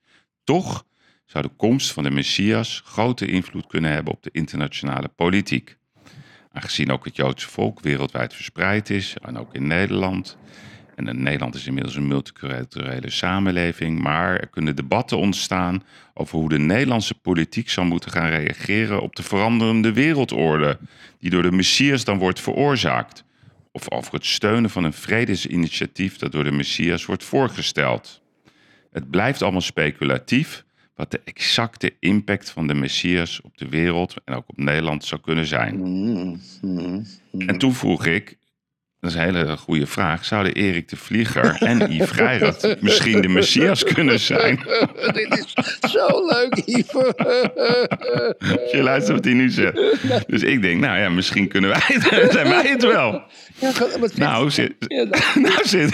De Messias, de Messias in de Joodse traditie is een figuur met specifieke kenmerken en vereisten. Oh, Zoals, zoals het afstammen van koning David en het vervullen van bepaalde profetieën die Oh. verband houden met het herstel van het Joodse volk en het vestigen van vrede en rechtvaardigheid en het bouwen van de derde tempel in ja, Jeruzalem. dat kunnen we toch doen? We kunnen toch de derde tempel nee, let bouwen? op, nee, nee. Maar het is wel onwaarschijnlijk dat figuren als Erik de Vlieger en Yves Geirat aan deze criteria zouden voldoen. Want, zegt hij, Erik de Vlieger en Yves Geirat zijn Nederlandse zakenmensen en dat zijn geen religieuze leiders. Ja. Ja, dus ze hebben wellicht messiaanse kwalite- kwaliteiten, maar ze voldoen niet aan het profiel. De tovenaar was slechts een humor, want ik vroeg ook over of, zij, of wij dan de tovenaar zijn. Maar de tovenaar was slechts een humoristische verwijzing in een eerder antwoord, maar is niet de basis voor de realiteit. Ik wil, het is belangrijk om te benadrukken dat het idee van de Messias een religieus concept is. Nou, dus dat, ja, daar moeten we ons wel bij neerleggen, Mhm. ja, Erik. maar die tempel kunnen we toch wel bouwen? Kom op nou. Ja, die tempel kunnen we bouwen. Ja, met dat ga ik hem ook volgende week vragen. Met, mag dat volgens het Joodse geloof? Dat je een tempel bouwt met appartementen erboven? Goeie vraag. Ja, dat zou ik wel eens willen weten. Is er een rabbijn die dat weet? Want dan kunnen we een combinatie maken. Dan kunnen we en een paar centjes verdienen, Yves. Hè? Daar word ik weer heel gelukkig van. Maar mijn gevoel is dat dat niet kan. Wat flauw van Maar we mogen wel, Erik, eh, denk ik, appartementen in de buurt bouwen. Oké, oké. En dan kunnen we een beetje met Airbnb een deel maken. Jazeker. Dat, eh, Jazeker. ja, want dat kan, dan gaan we uit de hele wereld natuurlijk Maar die Messias. Yves, die Messias. Ja. Hè? Ik denk, ik denk, ik weet je dat ik, kijk, je- je- ik- en dat is geen eens een gekke fantasie, hè? ik heb daar wel eens over nagedacht. Ik denk dat de Messias inderdaad een keer gaat komen. Dat, dat denk ik echt. Ik ben er bijna van overtuigd. Maar die komt niet van aarde. Die gaat uit de ruimte komen. Met een zodanig technologisch overwicht op alles wat op de aarde leeft, dat we ons wel moeten gedragen conform eh, wat de Messias, die goeds van zins heeft, eh, eh, tegen, als een Messias tegen ons zegt: Ja, jongens, ik vind het toch niet echt leuk dat hier atoombommen op aarde liggen. Hè? Rusland heeft er 4800. Eh, eh, Amerika heeft er 3500. Nou, er zijn er nog ergens nog 1000 verspreid. Dat zijn bij elkaar 10.000 atoombommen. Eh, ik wil dat jullie die nu weghalen. Ja, ja zeggen de opvolgers van Poetin en van Joe Biden en, en van Ursula van Leyen en weet ik voor wie. Ja, maar dat doen we niet. Nou, zegt hij, zegt die Messias, dan doe ik het. Ja. en die heeft dan de technologische kracht om dat te doen. Zo, dan zijn die ook weer weg. Zullen we nu eens, nog maar eens een keer gaan praten? Daar zijn wij echt wel bang op aarde. Denk je niet als, dat, als die Messias dat kan, hè? Dus die moet, Ja, ja. Die, moet die, die, komt, die komt uit de ruimte. Ja, en, die, en die heeft helemaal geen kwaad in de zin. Die komt ons een beetje helpen. Ik zeg, dan moet je Ja. een beetje ophouden. Ja? Ja, precies. Hè? Ja, ik, ik, sluit alle in- wapenfabrieken. Ik sluit alle wapenfabrieken. En, eh, en, eh, en niemand gaat weer bij elkaar over de grens lopen. Ja, zeggen we, dat doen we wel. Ja, dan ga je dood. Sorry, Tink. Boem, boem, boem, boem. Niet bombarderen, maar weet ik, weet ik, hebben ze allemaal techniek voor. Zo'n Messias uit de ruimte. Kijk, als ze hier bij, bij, bij de aarde kunnen komen, dan hebben ze natuurlijk een ongelooflijk... Wij doen er vier dagen over om naar, om naar die maan te vliegen. Zo'n Messias doet daar drie seconden over. Snap je? Of misschien nog minder. Ja? Dus die heeft een ongelooflijk dier. Die, die, die, die vliegt sneller dan, vele malen sneller dan het licht. Star, Star, Star Trek eh, Warp 9. Ja? Dus die moet uit de ruimte komen. Die komt niet van aarde. Dat is mijn, dat is mijn geloof. Maar ik vind, het, ik vind het wel een. Om de een of andere manier zat ik er gisteren over te denken. Dat gewoon. ah, überhaupt gewoon het idee dat er ooit een Messias komt. Vind ik eigenlijk best misschien wel een heel fijn idee. Dat er toch. geen- Er komt gewoon straks iemand. Ja. En die gaat even. eh, Iets, die gaat iets. gewoon. die, ja, die gaat daar op die berg zitten in Jeruzalem. En die gaat, die, die gaat niet dit roepen. Het zou wel leuk zijn als hij dat doet, hè? Met een microfoon erbij. Tegen al die religieuze leiders. En zegt hij, moet je eens goed luisteren naar mij. Dit, deze boodschap is voor jullie, jongens.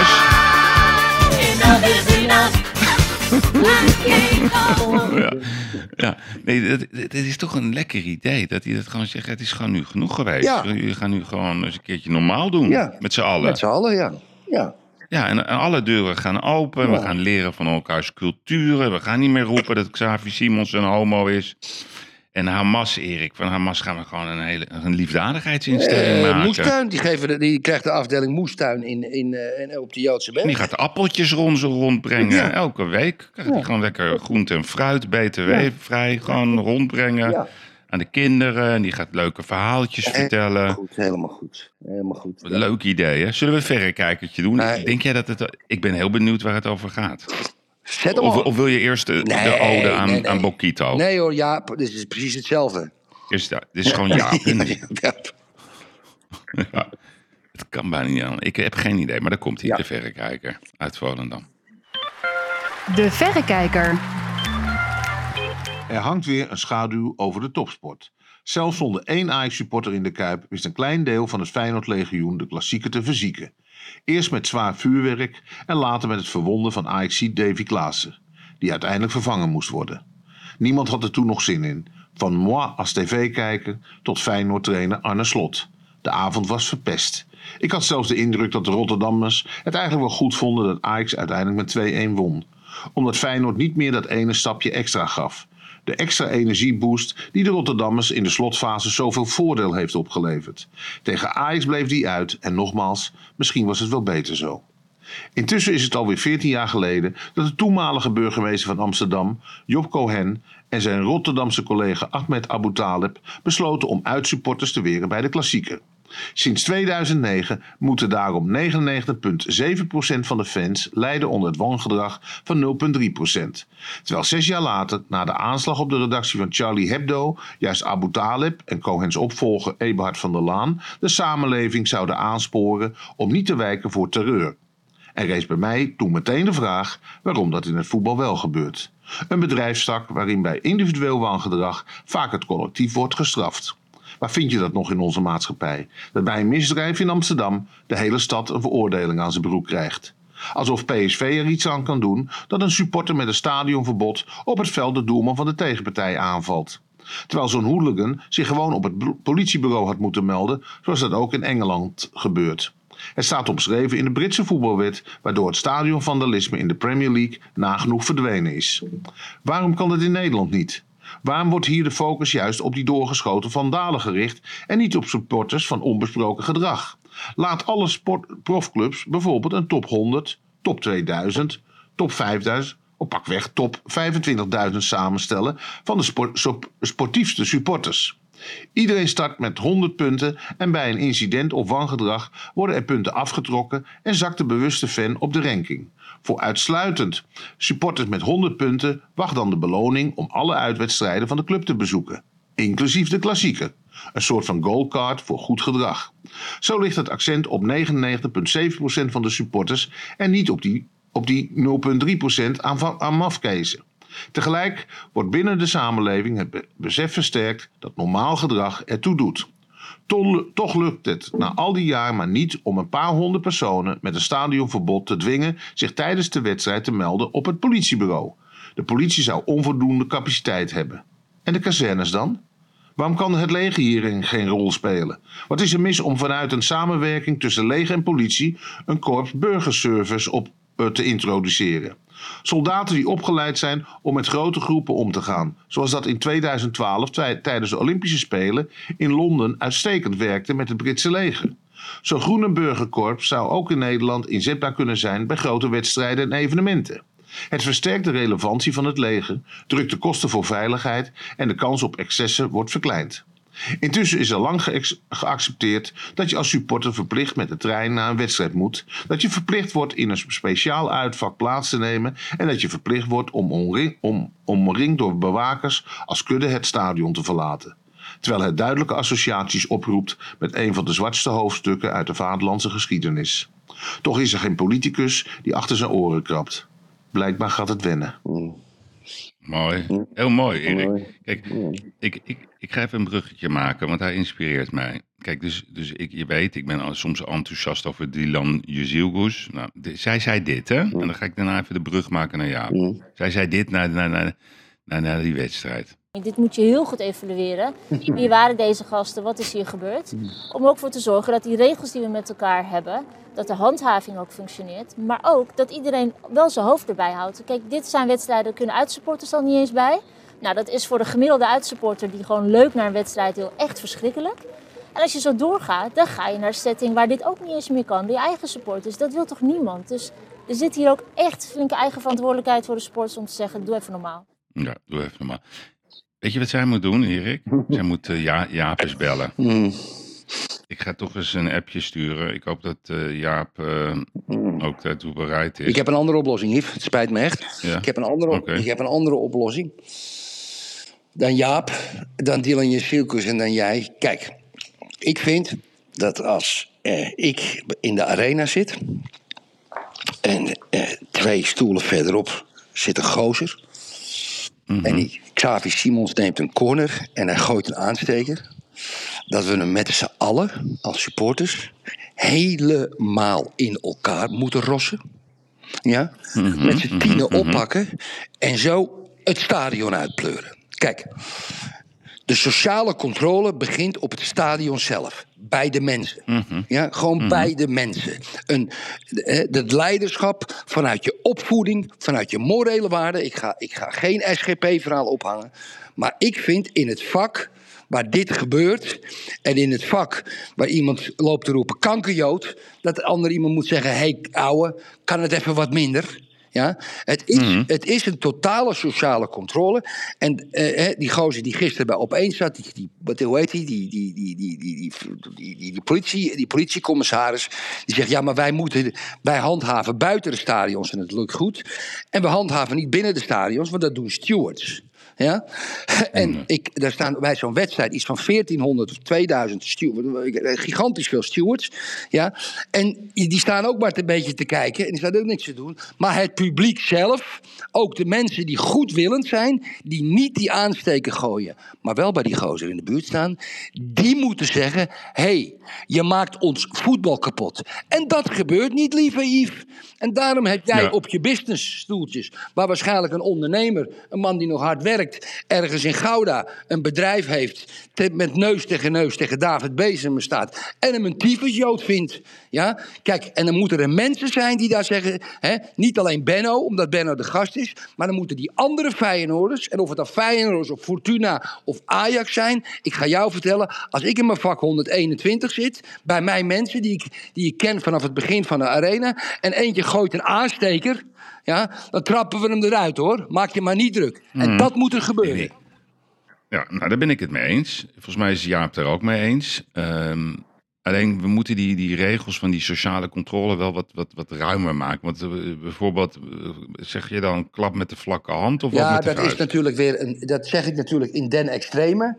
Maar er moet, er gewoon, er moet vanuit een, natuurlijk geweld moeten we echt van weg blijven. Mensen gaan vechten, wordt het ook weer moeilijk. En kinderen en weet ik veel wat. En dan krijg je nog meer geweld, dat snap ik. Maar ik denk dat de groep moet zeggen, hé, hey, ja, jongens, doe even normaal. Er moet iemand staan, er moet iemand opstaan in het vak. En die zegt, kom op nou, jongens.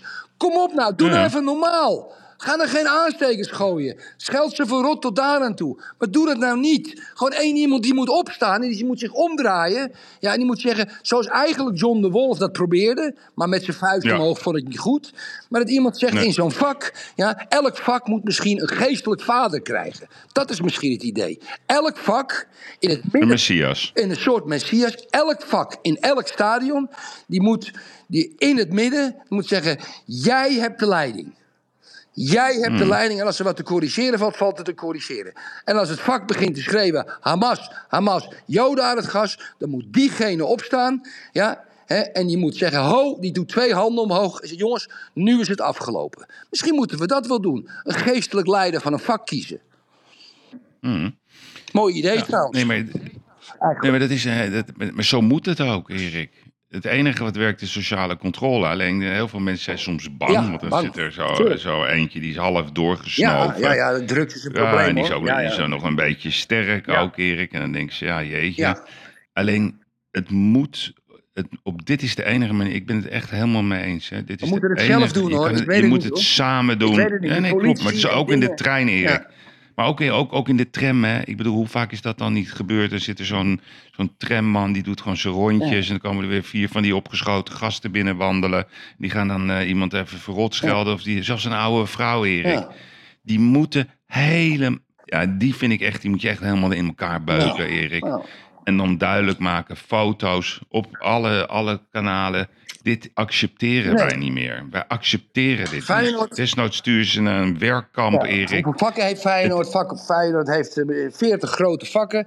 Elk vak moet je geestelijk leider geven. Dus jongens, kom op. Ja. Ja? Maar ik vind alleen die naam geestelijk leider niet Nee, goed. maakt niet We uit. moeten ambassadeur, dus elke club heeft gewoon aangewezen ambassadeurs. Dat moeten er honderd zijn per club of zo, want ja, dat moeten er wel een aantal zijn. En, en van die persoon moeten we ook accepteren dat als die wat zegt, dan is het ook goed. Ja, en er moet een grote straf op zijn als hij, als hij, als hij eh, met geweld behandeld wordt. Ja, maar ja, inderdaad, Ja. Yves. Kijk, dat is toch, dames en heren, dat is toch groot. Ik heb het van mijn zonen gehoord. Die gingen toch een aantal jaren geleden vaak met, in die, in die goede tijd met Ajax mee met uitwedstrijden. Die waren niet zo oud. En En, en ja, ze zegt, papa ging je met de bus in Hamburg. Dan zitten ze gewoon, gewoon in de bus naar Hamburg tegen HSV. Zitten ze gewoon te snuiven. Wil, en wil iemand nog een snuifje, dan gaat een pakje door de bus. En dan zitten ze gewoon te snuiven. Ik bedoel, waar hebben we het over? Maar dat is dus het probleem. Dat is, de, dat is die, die overvloed aan drank. En, en die combinatie van drugs. De mensen zijn helemaal de weg kwijt. Ja, ja. Maar helemaal de weg kwijt. ja zullen, we, zullen we doorgaan? Eh, Dankjewel Jaap voor deze mooie column. Ja, heel goed. Zullen we een Trumpje en eh, misschien Heb je een eh, Trumpje? Dylan. Een Trumpje? Heb je iets van Trump? Ja, ik heb zeker eh, Trump. Ja. Trump die heeft zijn mensen toegesproken. Hè, dus het was weer een hele toestand. Nou, we gaan het straks even over hebben wat we ervan vonden. Maar, maar Trump heeft in ieder geval gereageerd. radical left prosecutor Alvin Bragg of New York, campaigned on the fact that he would get President Trump. I'm going to get him. I'm going to get him. This is a guy campaigning. But now they have really stepped up their efforts by indicting the 45th President of the United States who received.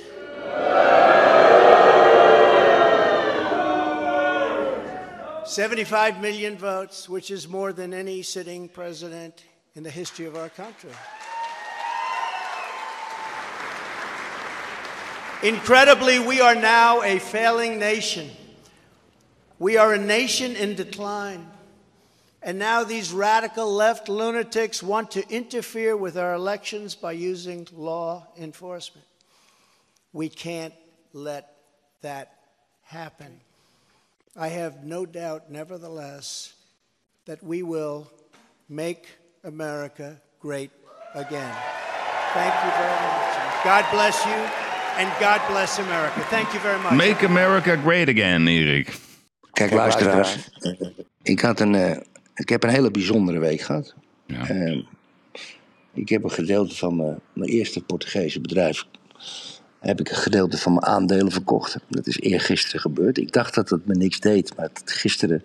Ik heb, ik heb Eh, je nog nooit zo blij gezien. Eh, dames en heren, Erik had een cheque in zijn handen. Die ging hij me via Oh. FaceTime laten zien in Eh, Portugal. eh, oh, oh, oh, niet, ik doe die hoogte van die check, hoeft niet. Maar Nee, nee, niet de hoogte, niet de hoogte. Maar ik zei wel tegen jou, hoe leuk zou het zijn als je dat bedrag in, in Adidas sporttassen gewoon met briefjes van 50 zou krijgen. Dat is veel leuker. Ja, ik, heb, ik, heb, eh, ik kwam met een, met een check, ja, echt, eh, echt gigantisch, ontzettend leuk. Omdat ik een, in Portugal werkte nog met checks. Maar dat bedrijf heb ik mm, eigenlijk de grote opbouw van het bedrijf van, van, van, van, van 3 naar 12 miljoen uur omzet. Dat heb ik gedaan, eerlijk is eerlijk, door nieuwe resorts te bouwen, een hele flinke stap. Maar ik heb uiteindelijk toch verkocht aan mijn eerste partner voor redenen. Ik zet er nog voor een klein stukje in, dat is hartstikke goed. Maar dat heeft echt wel invloed op me gehad. Maar de notaris zat op hetzelfde moment ook nog eh, in, in New York. En die heb ik gevraagd om naar Trump Towers te gaan. Hij heeft ze allemaal foto's gestuurd. En die heeft dat toch een halve dag rondgegaan. En die zegt, Erik, ik, ik, ik, ik, ik moet toch een beetje altijd aan je woorden nadenken. Dat Amerikanen krankzinnige mensen zijn. Maar die mensen, de pro's en de cons, de voor's en de tegers... die daar aan het procederen zijn... zijn totale geradicalis- geradicaliseerde mensen. Zegt, er is geen, geen land mee te bezeilen. De politie staat daar de hele tijd voor, voor, voor Trump Towers. En hebben ze een hele mooie tactiek, de politie. Je moet altijd blijven bewegen. Dus als je aankomt lopen, zegt een politieagent tegen je: move on, move on, move on. Dus je kan alleen maar langslopen ja, bij Trump Tower. En je kan niet blijven staan en schreeuwen. Want je krijgt wel die beelden op televisie, maar dat is een paar blokken, een blokken Ja. verder. Dus dat was heel bijzonder. Ja, Mooi. dat ze me dat vertelde en liet die foto's zien. Ja, kijk, Yves.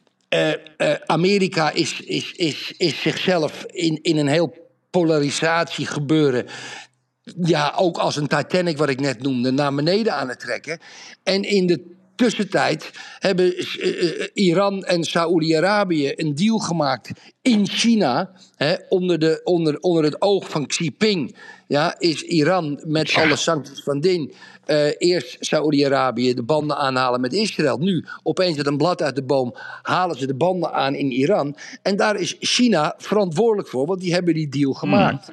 Kijk, die opmars, je ziet gewoon, je ziet het gebeuren. Het is net of je naar je natuurfilm van National Geographic kijkt. Over hyena's of stoktaartjes of leeuwen of, of, of weet ik veel wat voor beesten. Je ziet dat, dat de leiding van de wereld, die maffe Amerikanen die zich de leider van de wereld achten, in een soort traumatische, paranoïde situatie zich bevinden. Door, door allemaal gekken die elkaar de tent uitvechten. Een openbaar ministerie. De, de rechterlijke macht is een politiek instrument geworden. Eh, De, de, de, rechter vraagt Trump om zich een beetje te matigen in de media. Vier uur later zit hij die rechter al af te branden. Dat het ook een democraat is. Yves, Amerika is een geestelijk gestoord land. En dat is geen probleem. Het probleem is dat ze de zwaarste wapens hebben. En, en, en dat gaat maar door. Dus dat is eigenlijk. Ik, ik ben niet bang voor een crisis. Ik ben niet bang voor een hyperinflatie. Daar komen we allemaal wel uit. Ik ben niet bang voor een economische recessie. Ik ben niet bang voor oorlog op het Europese continent. Ik denk niet dat Rusland Nederland wil veroveren of Portugal wil veroveren. Ik ben bang voor die debiele Amerikanen die nu 400 nautische mijls van, met het vliegtuigschip bij Taiwan vandaan liggen en China ook. En dat er een een of andere imbeciel, admiraal, een fout maakt en dat we in een oorlog terecht gaan komen. De Amerikanen, dames en heren, vind ik op dit moment een staatsgevaarlijke, paranoïde ehm, ehm, eh, relatie hebben met de rest van de wereld. Oké, ik ga er heel even over nadenken. Ik moet heel even naar de wc. Oh. ja, Oh. ik, heb te veel water gedronken. Als jij nou even ik- koffie pakt, du- duurt hem een halve minuut. Oh, ik moet koffie pakken. Nou, dan ga ik dat doen, dames en Ja, ik loop Ja. even naar beneden, ja? Ja, wat ik ook nog eh, misschien ook wel even aan de luisteraar wil vertellen. Dat Ja. die week van mij. Ja, ga je helemaal lekker aan Ga jij, lul maar lekker door. Ik ga eventjes... Ja? eh, ja? Oké, je moet, moet je voor een kleine of een grote boodschap? Yves? Klein, klein.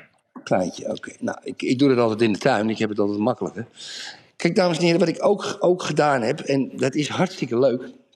Ik heb, een, eh, ik heb ook een droomtransactie gedaan. En wat het is, er is één regel in Doen het Goed. Je moet nooit van bakstenen gaan houden. Ja? Bakstenen is geld. Ja, je koopt en je verkoopt het, of je koopt land en je project ontwikkelt. Dan maak je aan het einde van de rit maak je een winst. En als je echt gaat houden van een stuk het goed, dan begeef je je op glad ijs, want het gaat altijd geld kosten. Nou, ik heb die fout deze week dus wel gemaakt. En ik heb mijn droomterrein gekocht. Eh, voorbij Lagos, tussen Lagos en Chacres, is er een strand. En het heet Praia Boca, de, Boca do Rio. Kijk dat vooral op Google. Dat is 128 hectare. En dat, is, dat mondt uit op het strand. Het heeft een gigantische geschiedenis. Er heeft een pand gestaan van 40 meter breed, 2000 jaar geleden gebouwd door de Romeinen. Omdat dit geografisch heel goed ligt. En de Romeinen hebben daar een tussenstation gemaakt om om de hoek te varen naar eh, de westkust van Portugal, eh, eh, de noordkust van Spanje, Frankrijk. Zijn ook uiteindelijk in, in, in Engeland terechtgekomen. En dat was een van de punten, Praia Boca de Rio, waarvan zij een grote ravitailleringsplaats hebben gemaakt. Dat terrein, dames en heren, heb ik gekocht. En ja, zeker, het was een emotionele aankoop. Moet ik wel een kleine kanttekening bij maken. Het was ook best goedkoop. Nou, nou moeten we maar eens even wachten of Yves Geirat zijn dingetje gedaan heeft op de toilet. Yves, ben je er al? Nog niet? Nou. De notaris die eh, bevindt zich momenteel in Casablanca. Die is via New York naar Casablanca gevlogen en vliegt vanavond eh, naar Lissabon. Ik ga met de trein naar Lissabon zo, omdat ik niet wil dat zij... Haar auto staat op het vliegveld in Lissabon. Want ik niet wil dat zij zelf gaat rijden, want ze komt laat aan... en na zo'n lange vlucht ga ik er even ophalen. Ja, ja, zeker. Echte liefde. Is Gerard nog steeds niet terug? Ja, nee, ik, ik, ik, hoor hem, ik hoor hem een beetje aankomen sluipen, dames en heren. Ik weet niet wat hij allemaal gedaan heeft, maar ik vind het wel een beetje... Even kijken, koffie zetten, is ook Zo. lekker. Is het Zo. goed gegaan, Erik, de, de monoloog? Ja, je zal het bij terug. Als je, als je, nou, even kijken, op welke tijd zitten we? De anderhalf uur, denk ik. Ja. Ik denk dat je dat even terug moet luisteren. Ik heb ook veel over jou gehad. Oké. En, en, en over, ik heb het over het terrein gehad, weet je, mijn droomterrein, hè, die Ja, 128 ja, heb ik je verteld hoe je dat moet doen, hè? heb je verteld hoe ik het moet doen. Ik was En, de eh, enige die het in één keer goed had, hè? Ja, was, ik, ik, ik vroeg, ja, dat, moet ik, dat ga ik toch even, dat, dat compliment mag ik je geven. Want je bent natuurlijk van oudsher geen orend goed man. Ik zeg tegen Gaia, als ik dit terrein ga verkopen, ja, wat moet ik dan vragen? En dames en heren, het is echt 128 hectare en dingen en ruïnes erop. Dat is niet zomaar te analyseren. En Gaia zei, het bedrag precies op de euro af, correct, van hoe ik erin zat. Dus even een complimentje voor Geirat. Ja, dankjewel. Applaus voor Geirat. Applaus voor Geirat. Hé, hey, maar Erik. Ja? Kijk, dus misschien is wel Xi Jinping de Messias, hè? Dus ja, je, hebt- je- Ja. nee, nee, maar die, die, die, die straalt dat er misschien een beetje uit. Dus, dus jij, jij, jij legt heel goed uit, die Amerikanen. Nou, ik- ben het er wel grotendeels met je eens. Die zijn helemaal geen, die zijn levensgevaarlijk, Erik. Ja. Ook als je daarnaar kijkt, joh, het is, het is, ik, ik kan er niet meer naar kijken. Nee. Maar dan gaan dus Ursula von Leyen en Macron, die gaan, die gaan nu proberen om Xi Jinping tot reden te brengen met z'n tweetjes. En dan zie je zo'n foto in de krant. Ja. En, dan- dan kijken ze elkaar aan. En toen dacht ik, doen die het met elkaar? Ze, ze, ze, ze, ze, ze keken zo verliefd naar elkaar. Je, je bedoelt Macron en Van der Leyen? Ja. Dat, dat nee, joh, Van der Leyen dat- is veel te jong voor eh, Macron. Macron is echt 70 plus, hè, qua smaak. Nee, nee, nee, nee. Nee, nee, nee, dat geloof ik niet. Ik vind het wel mooi. We maken altijd geintjes over, over het leeftijdsverschil tussen Macron en zijn vrouw. Dat is natuurlijk heel flauw. Ja, dat, dat, dat, daar moeten wij niks op zeggen. Als iemand. 30 zo verliefd naar 60. elkaar. Maar wat ik wel een stunt vind, die Macron was als leerling op zijn school, had hij al een verhouding met zijn lerares, hè? Dat was eh, 17 en, eh, en, eh, en, en 38 of zo, hè? Vind, ik wel, vind ik wel een stunt. En je weet, ik heb ook wel eens verklapt, dames en heren. Volgens mij ook in deze. Ik heb ook een relatie gehad met mijn lerares Frans. Op de Cornet, scholen om de Cornet HAVO en Atheneum in, eh, in Heemstede Haarlem. Kan ik, eigenlijk, ik kan er eigenlijk nog aangifte tegen doen. Maar ik denk dat Van der Leyen eh, te jong is voor Macron. Eh, wat ik wel vervelend vind, is dat Macron met zijn eigen vliegtuig komt. En Van der Leyen met haar eigen vliegtuig. Ja, dat is wel apart. Ik, ik lullen over het milieu. Parijs, even haar oppikken in Brussel. En dan met één vliegtuig en even de boel voorbespreken. Nee, ze moeten met twee vliegtuigen gaan. Op zich, voor mensen die dat milieu prediken als gekken, vind ik dat een beetje raar. Macron werd niet on- officieel ontvangen op het vliegveld. Er stond gewoon een soort reisleider. Maar er stond niemand, er stond geen minister van Buitenlandse Zaken om Macron te ontvangen. Wat ook weer een si- signaal is van Xi Jinping. Hé, hey, we hebben een beetje scheid aan je. Maar ik denk dat de paniek bij Macron en Van der Leyen eigenlijk is die deal die Xi Jinping eh, heeft georchestreerd tussen Iran en Saoedi-Arabië. Want Yves, dat zijn twee grote landen, hè? Met die zee ertussen, hè? Dat, dat, daar praat je echt over. Hoeveel mensen praat je al? 150 miljoen, 100 miljoen. Ja, En- maar ook, ook landen eh, wel met een bepaalde power. Ja, Ja, ja maar het, zegt wel alles hè, over, die, over die MBS. Hè? Dus die eerst eh, de grote deals wil maken met iedereen. Ja. En daarna Ja. als een soort schaakbeweging zegt van... joh, we gaan ook even weer zaken doen met Iran. Ja, zie, ja, ja, ja. Dan, dan, gaan we zaken dan, doen met dan Iran, weet je het niveau. Dan weet je het niveau. Maar ondertussen gaat Messi misschien straks voetballen in Saudi-Arabië... voor 400 Ja. miljoen per jaar. Ja. Ja. Het is, Ja, ja. het is een aparte wereld, Erik. Goed zo. Trump, Trump, Trump, Trump. Waar gaan we naartoe, Yves? Eh, Ja, ik wil toch even. dood. Ja, Bokito. Ja, sorry. De, de, Bokito is dood. En eh, ja, de, de NOS had toch een mooi stukje daarover. Dat wil ik toch even laten luisteren eh, aan de. oké. Of la- laten horen aan de luisteraars. ja. Hij is een Ja. woord geworden in de taal, hè, ook, hè? Ja, je kan niet Bokito zomaar even, Nee. even, even vergeten. Nee, nee. Het was misschien wel de bekendste aap van Nederland, Bokito. Bekend vanwege zijn beruchte ontsnapping in 2007, waarbij hij een vrouwelijke bezoeker van de diergaarde aanviel. Maar nu is de aap dood. Is het een treurige dag vandaag? Eh, zeker. Eh, ja, heel veel mensen en ook heel veel leden van de Vrienden van Blijdorp zijn eh, zeker geschokt door het plotselinge overlijden van Bokito. Dames en heren, goedenavond. Het had iets weg van King Kong, een ontsnapte gorilla die een vrouw met zich meesleurt en tientallen mensen flink schrik aanjaagt. Allemaal kinderen huilen en iedereen gillen en mensen rennen en eh, over elkaar heen en alles. De vrouw was ernstig gewond. Die had dus een hele, ja, de arm was helemaal kapot en ze had wat hoofdwonden. Want hij sleurde er echt vanaf de arm, sleurde die ermee over, over, over het pad. Nou ja, het is, het, het is, hij heeft bekendheid gekregen uiteindelijk met zijn ontsnapping. eh, maar hij is veel meer dan dat. Sterker nog, het is juist een heel sociale aap. Dus hij eh, staat echt symbool. eh, ja, nogmaals, voor, als, als familieman. Hij is goed voor zijn familiegroep. Hè.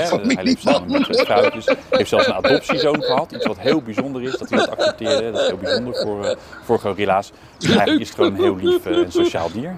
het is een heel indrukwekkend dier. En als je hem zag, dan beseft hij ook echt hoe bijzonder de natuur kan zijn. En daarmee was het gelijk eigenlijk ook een ambassadeur voor bedreigde dieren in het wild. En eh, ja, stond eigenlijk ook symbool voor het belang van natuurbehoud. Iets waar de dierengaarden en ook onze vereniging Ja, zich ze weten er ook wel weer een praatje te maken hebben over het belang van natuurbehoud.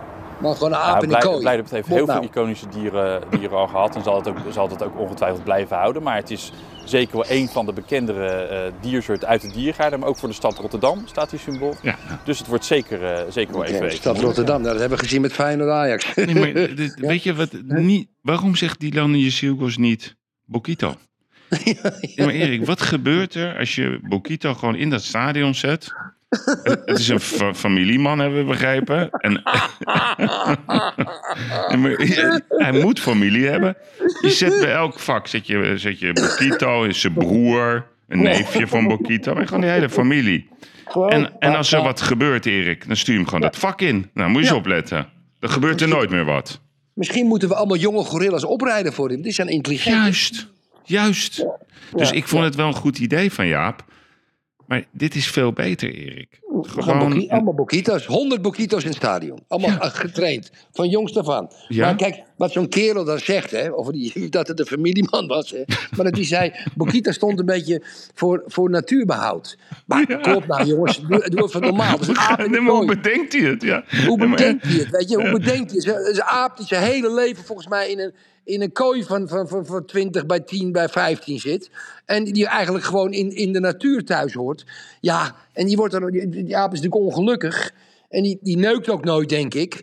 En die kon ontsnappen. En die zag dat die vrouw, die denkt, nou, die pik in, het is winter. Ja, en die apen zijn een beetje, een beetje, een beetje ruw met elkaar. Maar wat Bokito had volgens mij een seksuele reden met die vrouw, hè? Hij was niet boos, hè? Hij was niet boos. Maar stel nou voor, jij, jij, dat- wat doe jij? Stel nou voor, jij loopt daar met je kleinkinderen. Artes of eh, gewoon Ja. dat je denkt, oh, we gaan even naar Rotterdam, naar een, blij, hoe heet dat, Blijdorp. Ja. En opeens, eh, die, ja, hij klimt zo over dat hek heen, joh. Wat zou jij doen? Ja, wegrennen met mijn kinderen. Ja? Zou je Ja, niet even eh, zeggen, ik ben een familieman? Dat je dan... eh, of hem aankijken. Het schrik je helemaal rot. Maar dit is de oplossing, Erik. Dit is Ja. de oplossing voor de voetbalproblematiek. Bokito voor Bokitos. Dat is een hele goede. Juist. Dat, is, Ja. dat vind ik het mooiste. Ja, vriend. Nou ja, het is, eh, het is weer tijd. Ja, eh, ja, het is weer tijd. En dan kom ik met de vraag, dan kom ik met de vraag, Ja. gelijk met de vraag bij jou, Yves. Wie heeft er verleden jaar gewonnen? Dylan van Baarle. Ja, 12 punten. Dan gaan we met de tweede vraag. Wie heeft het meest eh, Parijs-Roubaix gewonnen? Oeh, dat doe ik even heel snel. Ja, eh, die is moeilijk hoor. Die is ook Roger- moeilijk. Dat- Eddie Merckx, Roger de Vlaming. Rocher de Vlaming vier Yes. keer en Tom Bonen vier En Tom. Ga Bonen. Ik ben diep Ja, onder de indruk. Tom Bonen. Diep, diep, diep, diep, diep. En dan heb ik een vraag aan jou. Wat vond jij zelf, dit is gewoon een, een meningsvraag, de mooiste overwinning van een Nederlander? De En die. Kuiper natuurlijk. Ja, oh. Ja, De- jonge luisteraars, gaat terugkijken. Ja, het maar heet moment dat ook dat goed, hè? Hoe heet die jongen, ehm, eh, die Noord-Hollander? ehm, Terpstra. Ehm, Terp, Dickie Terpstra vond ik ook een mooie, maar omdat het een Nederlander was. Maar Henny Kuiper voor mij, dat is, dat is alles. Kijk, wat ik ook... Kijk, ik moest een beetje lachen, want ik denk dat ik een beetje ook mijn research op Parijs doe. Je weet, ik zeg, als jij aan mij vraagt wie, wie wint, dan zeg ik altijd een Pool. Ja? Ja. Ja, dus ik heb, ik heb gekeken welke Polen er meedoen. Ja? En tot mijn ongelofelijke verbazing, Yves, en dat wist jij volgens mij ook niet, rijdt het nationale Poolse team ook mee. Wist je dat? Nee? Ja, maar echt waar. Dus er staan die Slavaniovs, Stos, Grabis, Kasmar. Er zijn 1, 2, 3, 4, 5, 6, 7 Polen die in één team, National Team of Polen, meerijdt. Dat is waar. interessant. Dat is Dat is interessant. dat wist ik niet. En mijn, mijn voorspelling, dames en heren, is dat eh, degene die wint, is Cesare Benedetti. Mhm. Ja, heb je er nooit van gehoord waarschijnlijk. Nee. En dat is ook een Pool. Met een Italiaanse naam. Aha. Ja. Ja, en ik vind het zo'n prachtige naam. Cesare Benedetti. Ja? Maar denk jij dat de Polen dan nu al bezig zijn om daar een soort, ja, ik weet niet, een soort, soort geheim daar te, te bedenken om, om zeg maar de, de mastodonten, hè, dus Van Aert, Van de Poel, Ja. Van Baarle. Ja, Nee, nee, de, de, de, echte winnaar wordt Filippo Ganna. Ghana uit Italië? Nee. Ja, ja, ja, ja, die heeft zijn hele, zijn hele seizoen, seizoen afgestemd op Parijs-Roubaix. op deze wedstrijd. Ja, die, kan het. Die kan het wel. Die, kan Die het heeft een ongelooflijke grote motor, Yves. Dus mijn voorspelling is Filippo Ganna. Oké, dat mag. Ja. Ja, ik denk toch dat het een, eh, een, een, een duootje wordt van Aert tegen Van der Bol. Dat, dat, eh, Nee, dat denk ik niet. Ja, die twee. Ik aan het- ja, maar je, de factor geluk is ook niet onbelangrijk. Hè, met, die, met al die gekke Zeker. kassaaien. Heb jij Hoe überhaupt wel eens, heb jij, ben jij überhaupt wel eens met een auto Ja. over die kasseien gereden? Je hebt geen Ja. idee. Je hebt geen idee. Hoe, het is voor mij een wonder hoe ze over die, Ja. over die kasseien heen fietsen. Dus Niet normaal. Net alsof op het strand fietsen. Ongelooflijk. nou, strand, het, het is een soort, soort, soort, soort ravijnrotsysteem. Ja. Nee, maar ja, de honden blaffen, maar de karavaan trekt door. Mensen, Parijs-Roubaix is wat mij betreft nog mooier als eh, Vlaanderen's mooiste. Hartstikke idee. Hartstikke idee. Zijn we er een beetje uit, Yves? Ja. Hoe lang zijn we eh, bezig? Anderhalf ja, uur? anderhalf uur ruim. Dus eh, het is, ja, we hebben, we hebben weer een beetje de week doorgenomen. Dus Er is, er is nooit rust, hè, om het zo maar te zeggen. Ja, wat zal ervan maken? Wat zal ervan maken? Maar jij jij werkt gewoon, hè? Bij ons zijn ze allemaal gesloten, Yves, hier in Portugal. Ja, het is Goede Vrijdag, hè? Ja, ja. ja dat wordt hier heel eh, groot opgepakt. Mijn hele bedrijf is gesloten, dat wil je niet Oh, weten. lekker voor je. Ja, ik ben toch een beetje stiekem bezig, dames en heren, om allemaal Hollanders hier naartoe te trekken in mijn bedrijf. Ja, is het toch lekker, hè? Het valt me, het bevalt me toch goed met die Nederlanders werk hier. Ja, dat begrijp ik. Dus eh, ja, een beetje gek. Een beetje Krijg gek ik nu problemen met alle Portugezen als ik zeg in het land der blinden is één oog koning? Nee hoor, dat is, wat het, dat is ook een van de redenen. Want ik doe altijd wel heel stoer van dat ik zo groot ben. ja. Ja. Ik heb trouwens een spreuk opgeschreven, Yves. Ik heb een interview, hè, dat quote-interview ga ik doen. Ga je het toch doen? Ja, ik ga toch. Ja. Ja, weet je wat het is? Kijk, dat heb ik gisteravond opgeschreven. Dus even kort, ik heb het niet nog nagelezen. Ik, kijk, men, men zegt altijd, hè, oh Erik, je werkt zo hard. Hè? Maar, maar zaken doen hè, is voor mij een bezigheidstherapie. Meer niet. Het is geen werk. Ik doe zaken omdat ik geen beroep heb. Een beroep is een hamer maken, of een piloot zijn, of een ingenieur of journalist. Dat is een beroep. En ik, Yves, en dat geldt eigenlijk ook een beetje voor jou. Wij waren niet goed genoeg voor een beroep. Dus ik ben maar zakenman geworden.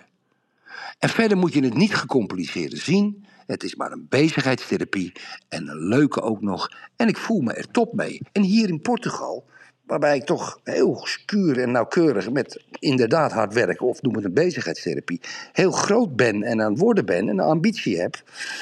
Dat komt toch inderdaad ook een beetje in het land der blinden is één oog koning. En zolang ik maar die bescheidenheid hou, komt het allemaal goed. Amen.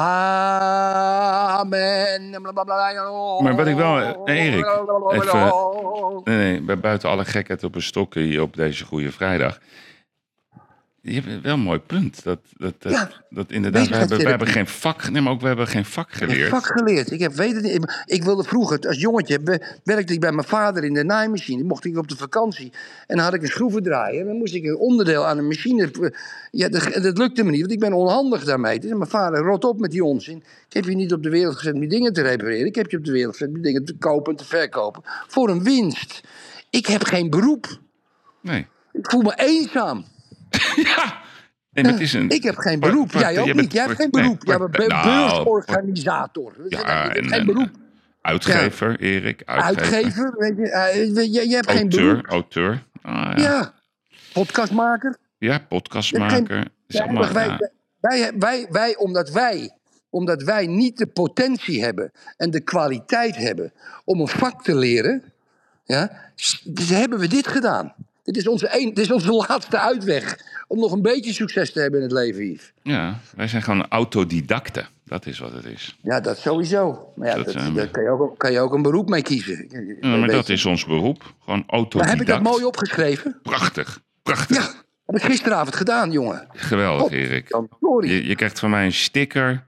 Je Hartstikke krijgt idee. van mij ook zo'n zo'n zo'n zo'n zo'n speltje dat je gewoon ook eh, voortaan ambassadeur. Jij mag vanaf nu ook van mij, als jij gewoon ergens, Oh. of je nou in Portugal bent of, of, of, of in Nederland en het gaat niet zoals het gaat, mag je gewoon ingrijpen. Ja, dus als jij met een bankdirecteur zit en die zegt, ja meneer de Vliegelief financiert, ho, ho, ho, zeg, dan pak je die badge. Zeg, Ik ben officieel aangesteld, ik mag altijd ingrijpen, ik mag u helemaal de tyfus slaan. Dus nu tekenen, ja, want u kunt mij verbaal beledigen. Maar u moet gewoon tekenen, zaken doen met de vlieger is zijn plicht. Oké, ik heb gisteren ook een. altijd. Ja, ja, gisteren heb ik ook. eh, er waren zakenrelaties van ons. In, in, in Duitse zakenrelaties. En die heb ik een brief geschreven. omdat ik mijn aandelen officieel geleverd heb. En ik ga die brief. want ik ben mijn Duits is heel goed. En die ga ik ook even voorlezen. En dat vind ik ook leuk als, het, als, je, als je me even laat. Maar je komt, eh, mensen- komt een hele konijn uit. eh, je bent eigenlijk wel Sophie Ja, Hermans, Erik. Ja, maar ja, ja ik, ik doe daar geen verantwoording voor schuldig. Maar kijk, ik heb dus in het bedrijf wat ik voor een groot gedeelte verkocht heb, ik zit nog een klein beetje erin, waren er ook Duitse mensen, oude Duitse mensen, die zaken met ons deden. Ja? Oude Duitse mensen. Oude Duitse mensen, ja. Liebe Brigitte, Horst und Steven. Gestern habe ich offiziell die meisten meinen Anteilen an Andi übertragen. Es ist und war eine Freude, Sie zu kennen und mit Ihnen Geschäfte zu machen. Ich hoffe auch auf gute Gesundheit für uns alle, damit wir dieses schöne Leben so lange wie möglich genießen können. Mit Sehr gut. Grüßen, Erik. Ist der hè? Flieger, der Flieger? nein, Erik. Der Sehr toll, sehr toll. Ich, ich, ich, ich wünsche alle Leute, alle Niederländers, Jawohl.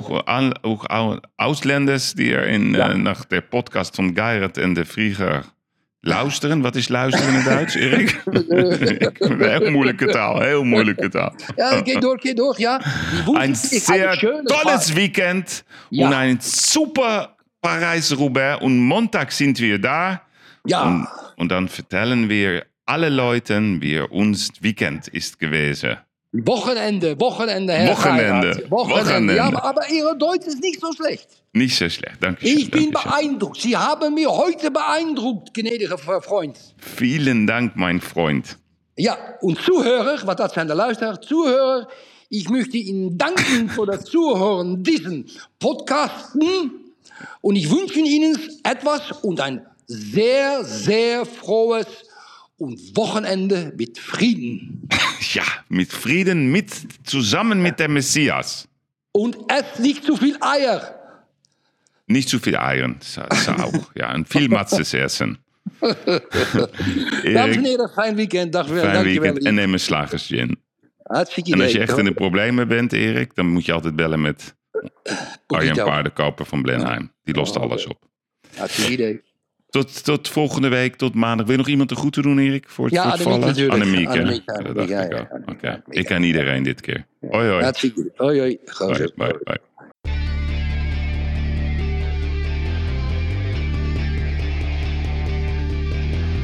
Ik moet soms wat kwijt, wat ik vind ervan. Littekens en jeuk, die koester ik maar dan.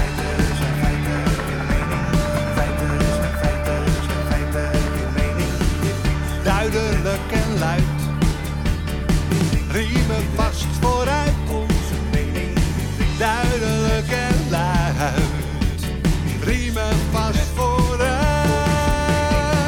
Geiraat en de vlieger, oh, oh, oh. Geiraat en de vlieger. Ik moet soms wat kwijt. Mijn mening. Meer dan 80 jaar ervaring.